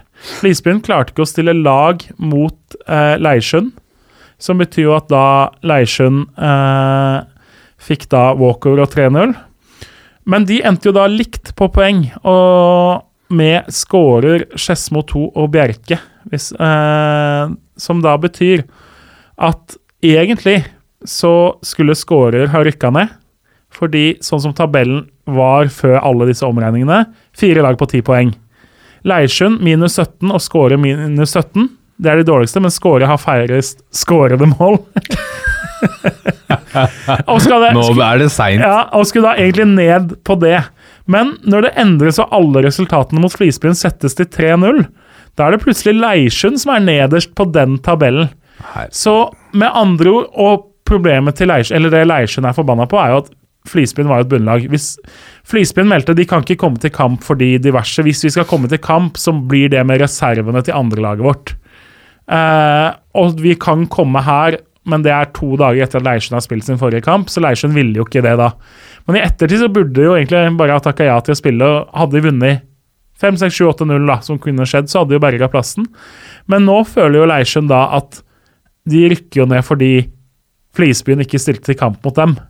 Eh, og denne regelen lager så mye spesielt ut av det. Så det, det er jo en regel som er lagd med gode intensjoner, men så får det litt snodige konsekvenser, da. Fordi, og da var jo også scorer Når kom denne regelen? Eh, For noen år siden så var det en veldig komplisert sånn opprykksvariant i Rogaland i sjette eller sjuende divisjon der, som gjorde at man så behov for å klargjøre litt dette, at eh, lagene må ha spilt like mange kamper hvis ett lag har spilt færre kamper. Men ikke sant? Én ting er hvis du ikke klarer å stille lag selv. Da fortjener du å bli straffa. Hvis du har tapt en kamp på walkover selv, så fortjener du på en måte at Ok, vi har tatt ti poeng, men vi stilte ikke til kamp i en match. Da fortjener du å rykke ned, selv om et annet lag har like mange poeng med en dårligere målforskjell. Men når det er liksom motstanderen som ikke stiller, da, så blir det jo veldig dumt at du til syvende og sist skal straffes for det, da. Jeg hadde blitt så, Så- forbanna. Ja, så sånn er det. Eh, nå må det jo sies at nå ser det jo ut som Hvis Fuvo rykker ned, da, så vil jo også Skåre faktisk rykke ned, for da er det tre lag som rykker ned herfra òg. Det på grunn av at Romerike Da er det tre lag fra Romerike som rykker ned, eh, og så videre, og da får det følge Eller to lag fra Romerike rykker ned fra Den, den greia der, Ja. den tror jeg eh, den tror jeg veldig få er med på, eller Ja. eh, klarer å følge Ja, med på. ja, fordi- men eh, men jo, men, eh, men det, det, sånn er det alltid. At, fordi noen lag i samme krets rykker ned mm. på nivå over, så må det forplante seg nedover. Yes. Det er jo kjempevanskelig å, å følge med på, egentlig. Fordi Akershus sender ett lag opp fra fjerdedivisjon til tredjedivisjon. Da er det beregna at det skal komme ett lag ned òg. Og da er det de to nederste som rykker ned på nivå fem og seks og sju og åtte og ni og ti osv. Ja. Men hvis det kommer flere lag fra Romerike ned, så må enda et lag ned fra, fra fjerdedivisjon, fra femtedivisjon, sjettedivisjon, sjuendedivisjon, divisjon osv. Så, videre. så når da Fuvo i tillegg til Ullkisa 2 sannsynligvis rykker ned, så blir jo da scorer til slutt også sendt ned. Så det er nesten så man håper det, for da har ikke Leirsund som noe å klage på. fordi de endte jo tredje sist på den ordentlige tabellen. Da hadde de rykka ned til slutt hvis Fuvo rykker ned nå. Ja. Eh, det gjør jo denne saken litt mindre bitter for dem, vil jeg tro. Ja. Da kan du faktisk bare skylde deg selv og bitte litt Fuvo, men 99 er selv. ja, det får seg være forbanna. Ja, det, det, er veldig, det blir veldig snodig også når du på en måte må sitte sånn og regne, og det er liksom, ok, og for noen så kommer det godt ut. og liksom, Noen, er, noen av de bunnlagene her hadde jo da hadde vel uavgjort mot dem og ikke sant, får da 3-0 isteden. Så det er snodig. Men siste sak på bredden skal vi fortsatt holde oss i femtedivisjon. Uh, vi er fortsatt på Romerike, men denne gangen så er vi det er igjen Flisbyen er involvert. Eh, denne gangen så er det bortekampen deres mot eh, Løvenstad. Løvenstad vant 15-0. Det i seg selv er jo oppsiktsvekkende nok, selv om vi har større seire i år. Men det som er verdt å nevne, er jo da eh, godeste Edvin Grant Langseth. Han skårte anstendige ti av disse målene. Eh, ofte spilt defensivt. Ifølge Romerikes Blads artikkel var spiss i denne kampen. Ble, har fått kritikk for ikke å være så målfarlig. Ender jo da opp med ti skåringer. Men han skårer i det femte, åttende og tolvte spilleminutt. Så tar han en straffe i det femtende, så han har altså fire mål på ti minutter. Så får de straffe både i det 24. og det 29. minutt, og han velger å la noen andre ta de. Eh, så vi vil jo tro han er litt bitter for det, fordi han skårer da i det 30., 34. og 40. minutt.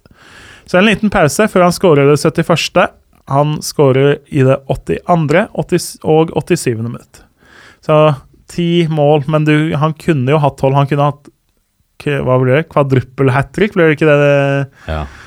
heter? Kunne hatt firedobbelt hat trick i samme kamp, men ti mål er Nå har jeg ikke nigått gjennom samtlige avdelinger i seniorfotballen helt ennå. Jeg har vært gjennom mange kamper. Jeg tror ingen overgår han i seniorfotballen denne sesongen. Eh, Det er jo noen kamper igjen rundt om, men det er mye fjerdedivisjon hvor det, det er sjelden du ser de sifrene i fjerdedivisjon, da. Eh, Så jeg lurer på om hans ti mål kan bli det beste vi har sett av en spiller i seniorfotballen i år, men jeg skal dobbel- og trippelsjekke det til neste anledning. Fantastisk. Uansett, da, ti skåringer i en match av en defensiv spiller. Ja, altså, nå Man skal jo ikke alltid stole på uh, Ja, på fotball.no, men det er klart at uh, han har da to uh, Han skårte seks mål i 2019 for både første og andre laget. Han skårte Han har aldri notert seg for mer enn fem mål for ett lag på en sesong. Og det så Når du skårer ti mål i en kamp Når du aldri har tosifra i en sesong tidligere, aldri vært i nærheten av tosifra i en sesong siden du var eh, åtte år eller ni år eller ti år, og skårer ti mål da på 80 minutter, det får stå til godkjent. Det er eh, i aller høyeste grad godkjent. Dette er toppfotball. Så er det klart for eh, noen eh, lytterspørsmål. Eh, det har kommet litt da, rundt, eh, rundt eh, Her kommer det et spørsmål fra Nordlink86 på Florø. De rykker ned fra Post Nordligaen i lånte shorts. Hva syns Jørgen Kjernås om det? Så vel ikke den komme før sesongen? Og hvilke spillere bør bytte klubb fra Florø? Husa? Noen andre? Ja, nei, Vi snakka litt om Florø da vi tok Andersson. Som sagt, Jeg hadde dem faktisk på nedrykk, og det var litt det de har bytta alle. Men de lånte shorts? Ja, det var vel sannsynligvis fordi de reiste vel med feil type, feil farge på shortsen, tipper jeg. Ja. Vi hadde vel òg Var det Rosenborg 2 eller hvem det var som stilte? Vi har hatt noen lag som har måttet låne drakter også her eh, denne sesongen. Men eh, nei, eh, jeg tror Florø mister de fleste av disse importene både fra andre steder i Norge og fra andre land. Og da skal det bli interessant å se hvem de skaper sammen. Husa er vel eh, litt sånn telle på knappene, vil jeg tro. Har vært mye skada òg. Så hvis de mister han, så mister de en ekstremt fundamental eh, brikke. Og jeg tror det blir veldig, veldig lenge til vi får se Florø oppe i Obos igjen, for å si det sånn. Ja. Um, Bjørn Rudsagen, om Jerv skulle rykke opp, har de sjanse til å hevde seg eller etablere seg? Sjans har de jo. Ja, å sjarmere og holde seg en sesong eller to. Altså, eh, hvis du ser, ser hvor mye lag som Ålesund, Start, Tromsø, Brann for den del Mye større klubber, mye større ressurser, mye større byer. Se hvor tøft det er for dem å holde plassen eller å rykke opp. Eh, så Jerv kommer ikke til å etablere seg og være lenge i Eliteserien. Kristiansund gjorde det, da. Ja, men det Sarpsborg måtte gjøre det, men det- Men du må, når du ser på budsjett og ressurser og historie, og liksom hele, hele fundamentet Altså, er Grimstad en by som klarer å skape et toppfotballag nå? Det er, det er greit at de har en milliardær i ryggen og så videre, men det hadde Notodden nå, for å si det sånn. da. Så jeg tror Jerv kommer til å få et budsjett og en mulighet som er sånn at de kan holde bergeplassen én sesong, kanskje to, kanskje, kanskje til og med en tredje. Men etablere seg kan det ikke. Men at de, når vi snakker 2022, at Jerv kan gjøre det OK Ra, Hva ble Ra... Kan de ikke etablere seg? Mener du det? Altså, Det kommer an på hva du legger i ordet 'etablere seg'. da. Ja, så ta en Kristiansund, da. for, forvent, Det er 24 000 jeg som bor i Kristiansund. e- Etablere seg, da vil du si at de er i Eliteserien sju av de ti neste årene, da. Ja. Eller noe sånt noe. Eh, Sånn som Altså, hvis du, s- at hvis du ser på casen Altså, Ålesund sliter med å få til det. Tromsø sliter med å få til det. Start sliter med å få til det. Brann kan komme til å slite med å få til det. Kristiansund Eh, fått det til. Kristiansund kan få til, men det er ikke sikkert altså, Ting snur fort i fotball. Det er ikke sikkert vi har Kristiansund og Sarpsborg oppe hvert eneste år de neste ti årene, for å si det sånn. Eh, så, så klart det er mulig, men det er ufattelig vanskelig, og du må år på år på år gjøre det veldig mye bedre enn motstanderne, fordi du må få så mye mer ut av hver krone og, hver, og treffe så mye bedre på signeringene. Klare å skape det samholdet. Altså, de må treffe like godt som de har gjort i år, og enda litt bedre, da. Ja. Eh, I år har de jo truffet ekstremt godt på mange av signeringene. Men eh, det, selv om Jerv er gode nå Ålesund var kjempegod i Obos i 2019 og katastrofe i Eliteserien. Det er sant. Eh, årets Jerv-mannskap tar 15 poeng i neste års eliteserie. Maks. Eh, såpass stor er forskjellen. Såpass mye flyt har de i år som du ikke får når du møter bedre lag. Eh, tror jeg. Og så er det ikke engang sikkert. Altså, både Campos og Furtado eh, blant annet er såpass gode at det er ikke sikkert de beholder de. Eh, så nei, de, de vil være et veldig sjarmerende og veldig kult innslag, og all ære til jobben som er gjort i 2021 av Jerv. Men eh, at de skal være et, lag som etablerer seg i Eliteserien, da skal jeg ta av meg hatten og mm, vel så det. Jeg, jeg tror de maks er to sesonger sammenhengende i Eliteserien. Tyngdekraften, den økonomiske tyngdekraften i fotballen vil ta dem til slutt etter det. Ja. Da kanskje de eh, kommer seg Kanskje de kommer seg ned før VAR kommer seg inn, da. De, men de har jo den fordelen sånn som Ranheim hadde. da. Du har ingenting å tape. Alle spår deg nord og ned. Uh, Og Sandefjord, som de hadde. for ja, du, du spiller med mye mindre press enn de andre klubba. Mm. Uh, Godset, Brann Tenk forventningene som er der, kontra Jerv, hvis de skulle kjempe sammen i bunnstriden. Mm. Det er noe helt annet, og det er en fordel, så klart. Fjerdedivisjon. Jon eh, lurer på noen ord om opprykksstriden i fjerdedivisjon avdeling Østfold og Vestfold. Er det endelig sprints tur? Eh, det er jo det trang, kanskje det trangeste nåløyet i hele Fotball-Norge i år, tror jeg. Fordi Sprint Jeløy måtte jo slå et stjernespekka Råde. Slo dem 3-0. Eh, Hvorfor er Råde så stjernesprekka nå? nei, fordi de er gode på å tiltrekke seg spillere, da. Har Eh, de flasha cash, eller? de har, altså de henter, altså Netan Sansara var jo klasse for Hødd lenge. Julius Adaramola. Eh, Håvard Dalseth har 25 mål eller noe for dem, og jeg tror han er mestskårende i de fem øverste divisjonene. Og så videre og så videre. De henter spillere fra Moss, henter spillere fra Fredrikstad. De har henta mange. Stjørdal Nei Hva eh, driver de med? Skal de opp i eh, posten? ja, De var veldig var... ambisiøse, i hvert fall. Men eh, klart, nå tapte de jo da mot Sprint Jeløy. Sprint Jeløy har vunnet samtlige kamper. Eh, men så er jo problemet at det holder jo ikke å vinne denne avdelinga. Du må slå vinneren av Vestfold-avdelinga. Det er Sandefjord 2. Sandefjord 2 har veldig lyst til å rykke opp. Sandefjord 2 har bevisst på en måte brukt mange A-spillere sånn at de har mange nok kamper. Fordi i 2019 så skulle Sandefjord 2 møte Fredrikstad 2. Og da må du ha spilt jeg tror det er en tredjedel av kampene du må ha spilt for å få spille kvalik. Sandefjord 2 hadde nesten ingen som hadde spilt så mange kamper fra Asdalen. Så de måtte stille rent juniorlag. Fredrikstad 2 hadde mange og kunne stille mange fra Asdalen. Så nå har Sandefjord 2 planlagt at du trenger fire kamper, så vi har med deg i dag, vi har med deg på torsdag, du blir med neste mandag. ikke sant? Så de har kan egentlig stille hele benken sin Kjørt nesten. en Excel på det. De vil ordentlig opp, så hvis Sprint Jeløy klarer å slå dem over to kamper, da er det imponerende, for det blir en tøff motstander. Men Sprint Jeløy er også veldig gode, så full pott De går mot full pott i serien, så det vil jo være tungt om de ikke rykker opp sånn sett. Eh, men ja, det blir eh, Det er jo mange kvalikkamper rundt om nå. Det kommer til å bli den kvalikkampen med høyest sportslig nivå rundt om i fjerdedivisjonen i Norge nå. Ja, det høres litt sånn ut. Magnus Kjærslett. eh, Høne, Hønefoss BK, veien videre. Kjør Jotør. Eh, er det lettere å komme seg opp med full serie? Ressurser og eventuelt bredde i stallen kommer mer til nytte da? Er det lettere å hente inn poengtap fra kamper der viktige spillere har vært ute perioder når det er full sesong? Eh, ja, det er jeg for så vidt med på den tankerekka. Problemet til Hønefoss er at den stallen man har hatt i år, har ikke vært eh, brei nok.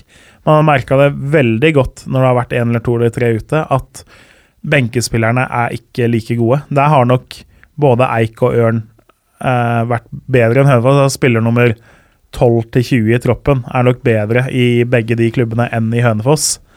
Eh, så man trenger jo Man har jo mange gode spillere i den stallen til Hønefoss nå. Man har fire-fem spillere som man virkelig bør, bør prøve å beholde.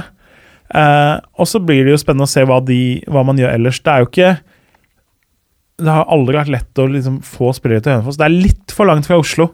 Du må lokke med på en måte noe godt ja, altså Du må betale for å få folk til å pendle fra, Hønefoss, nei, fra Oslo til Hønefoss. da Eh, hvis ikke så kan du like godt spille for Lokomotiv Oslo eller Oppsal. Eh, så de må beholde de ordentlig gode. Eh, Daniel Berg må bli, eh, Jason Blee må bli, Groven må man få videre, osv. Så, trenger de å gjøre noen gode signeringer. Trenger litt større bredde i troppen enn man hadde nå. Og så litt flaks med avdelinga. Men det er klart, det er færre unnskyldninger over 26 kamper enn over 13 kamper. For nå kan man, selv om Hønefoss ikke har så mye å klage på med hvilke andre lag man har møtt og sånn, så spiller det en stor rolle over en så kort sesong. Eh, over 26 kamper i 2022. Jeg mener at Hønefoss skal være opprykksfavoritt nesten uansett hvem man møter.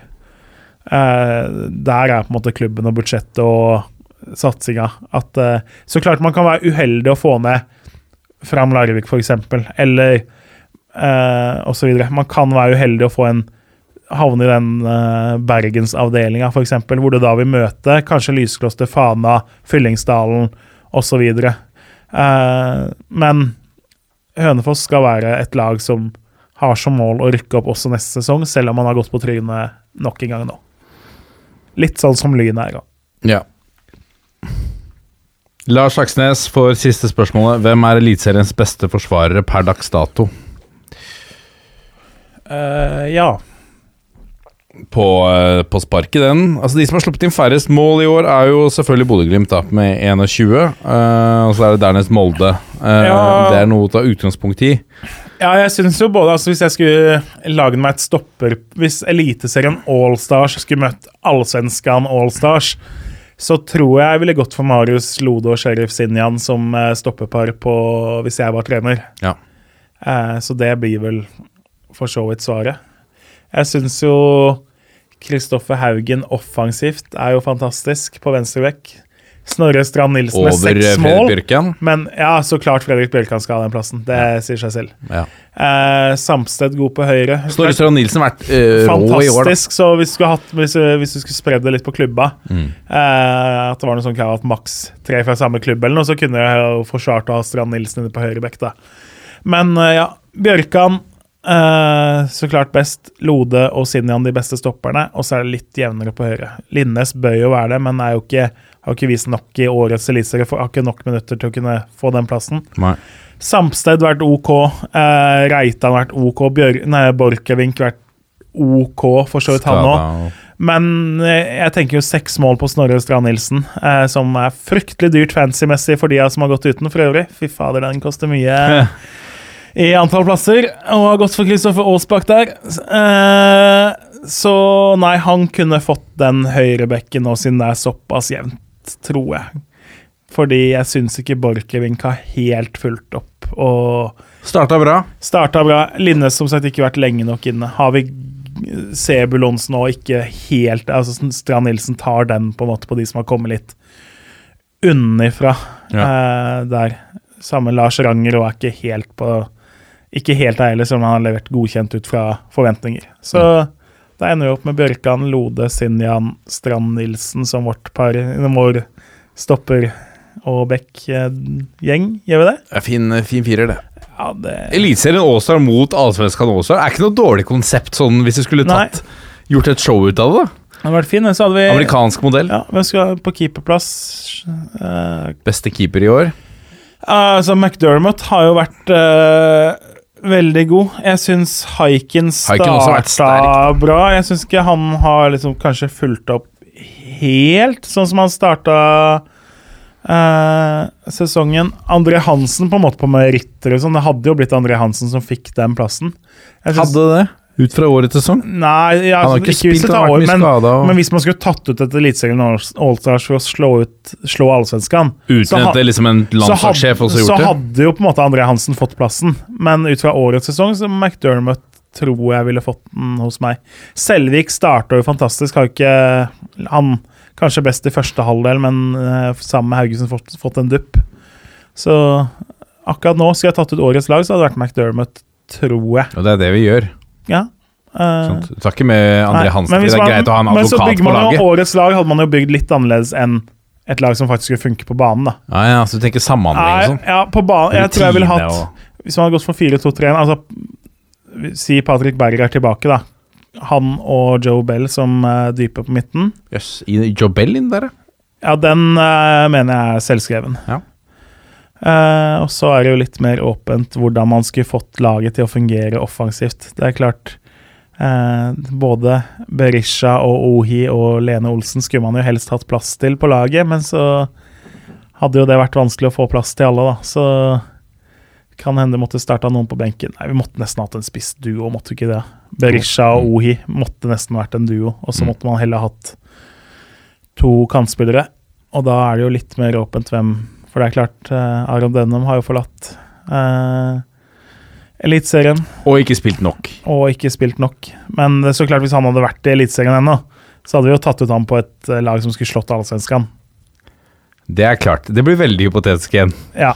Så nei, kantplassene måtte vi tenkt på. Det var vel ikke spørsmål engang, så de kan vi dodge unna. For da er jeg usikker på hvem vi ville hatt akkurat i de.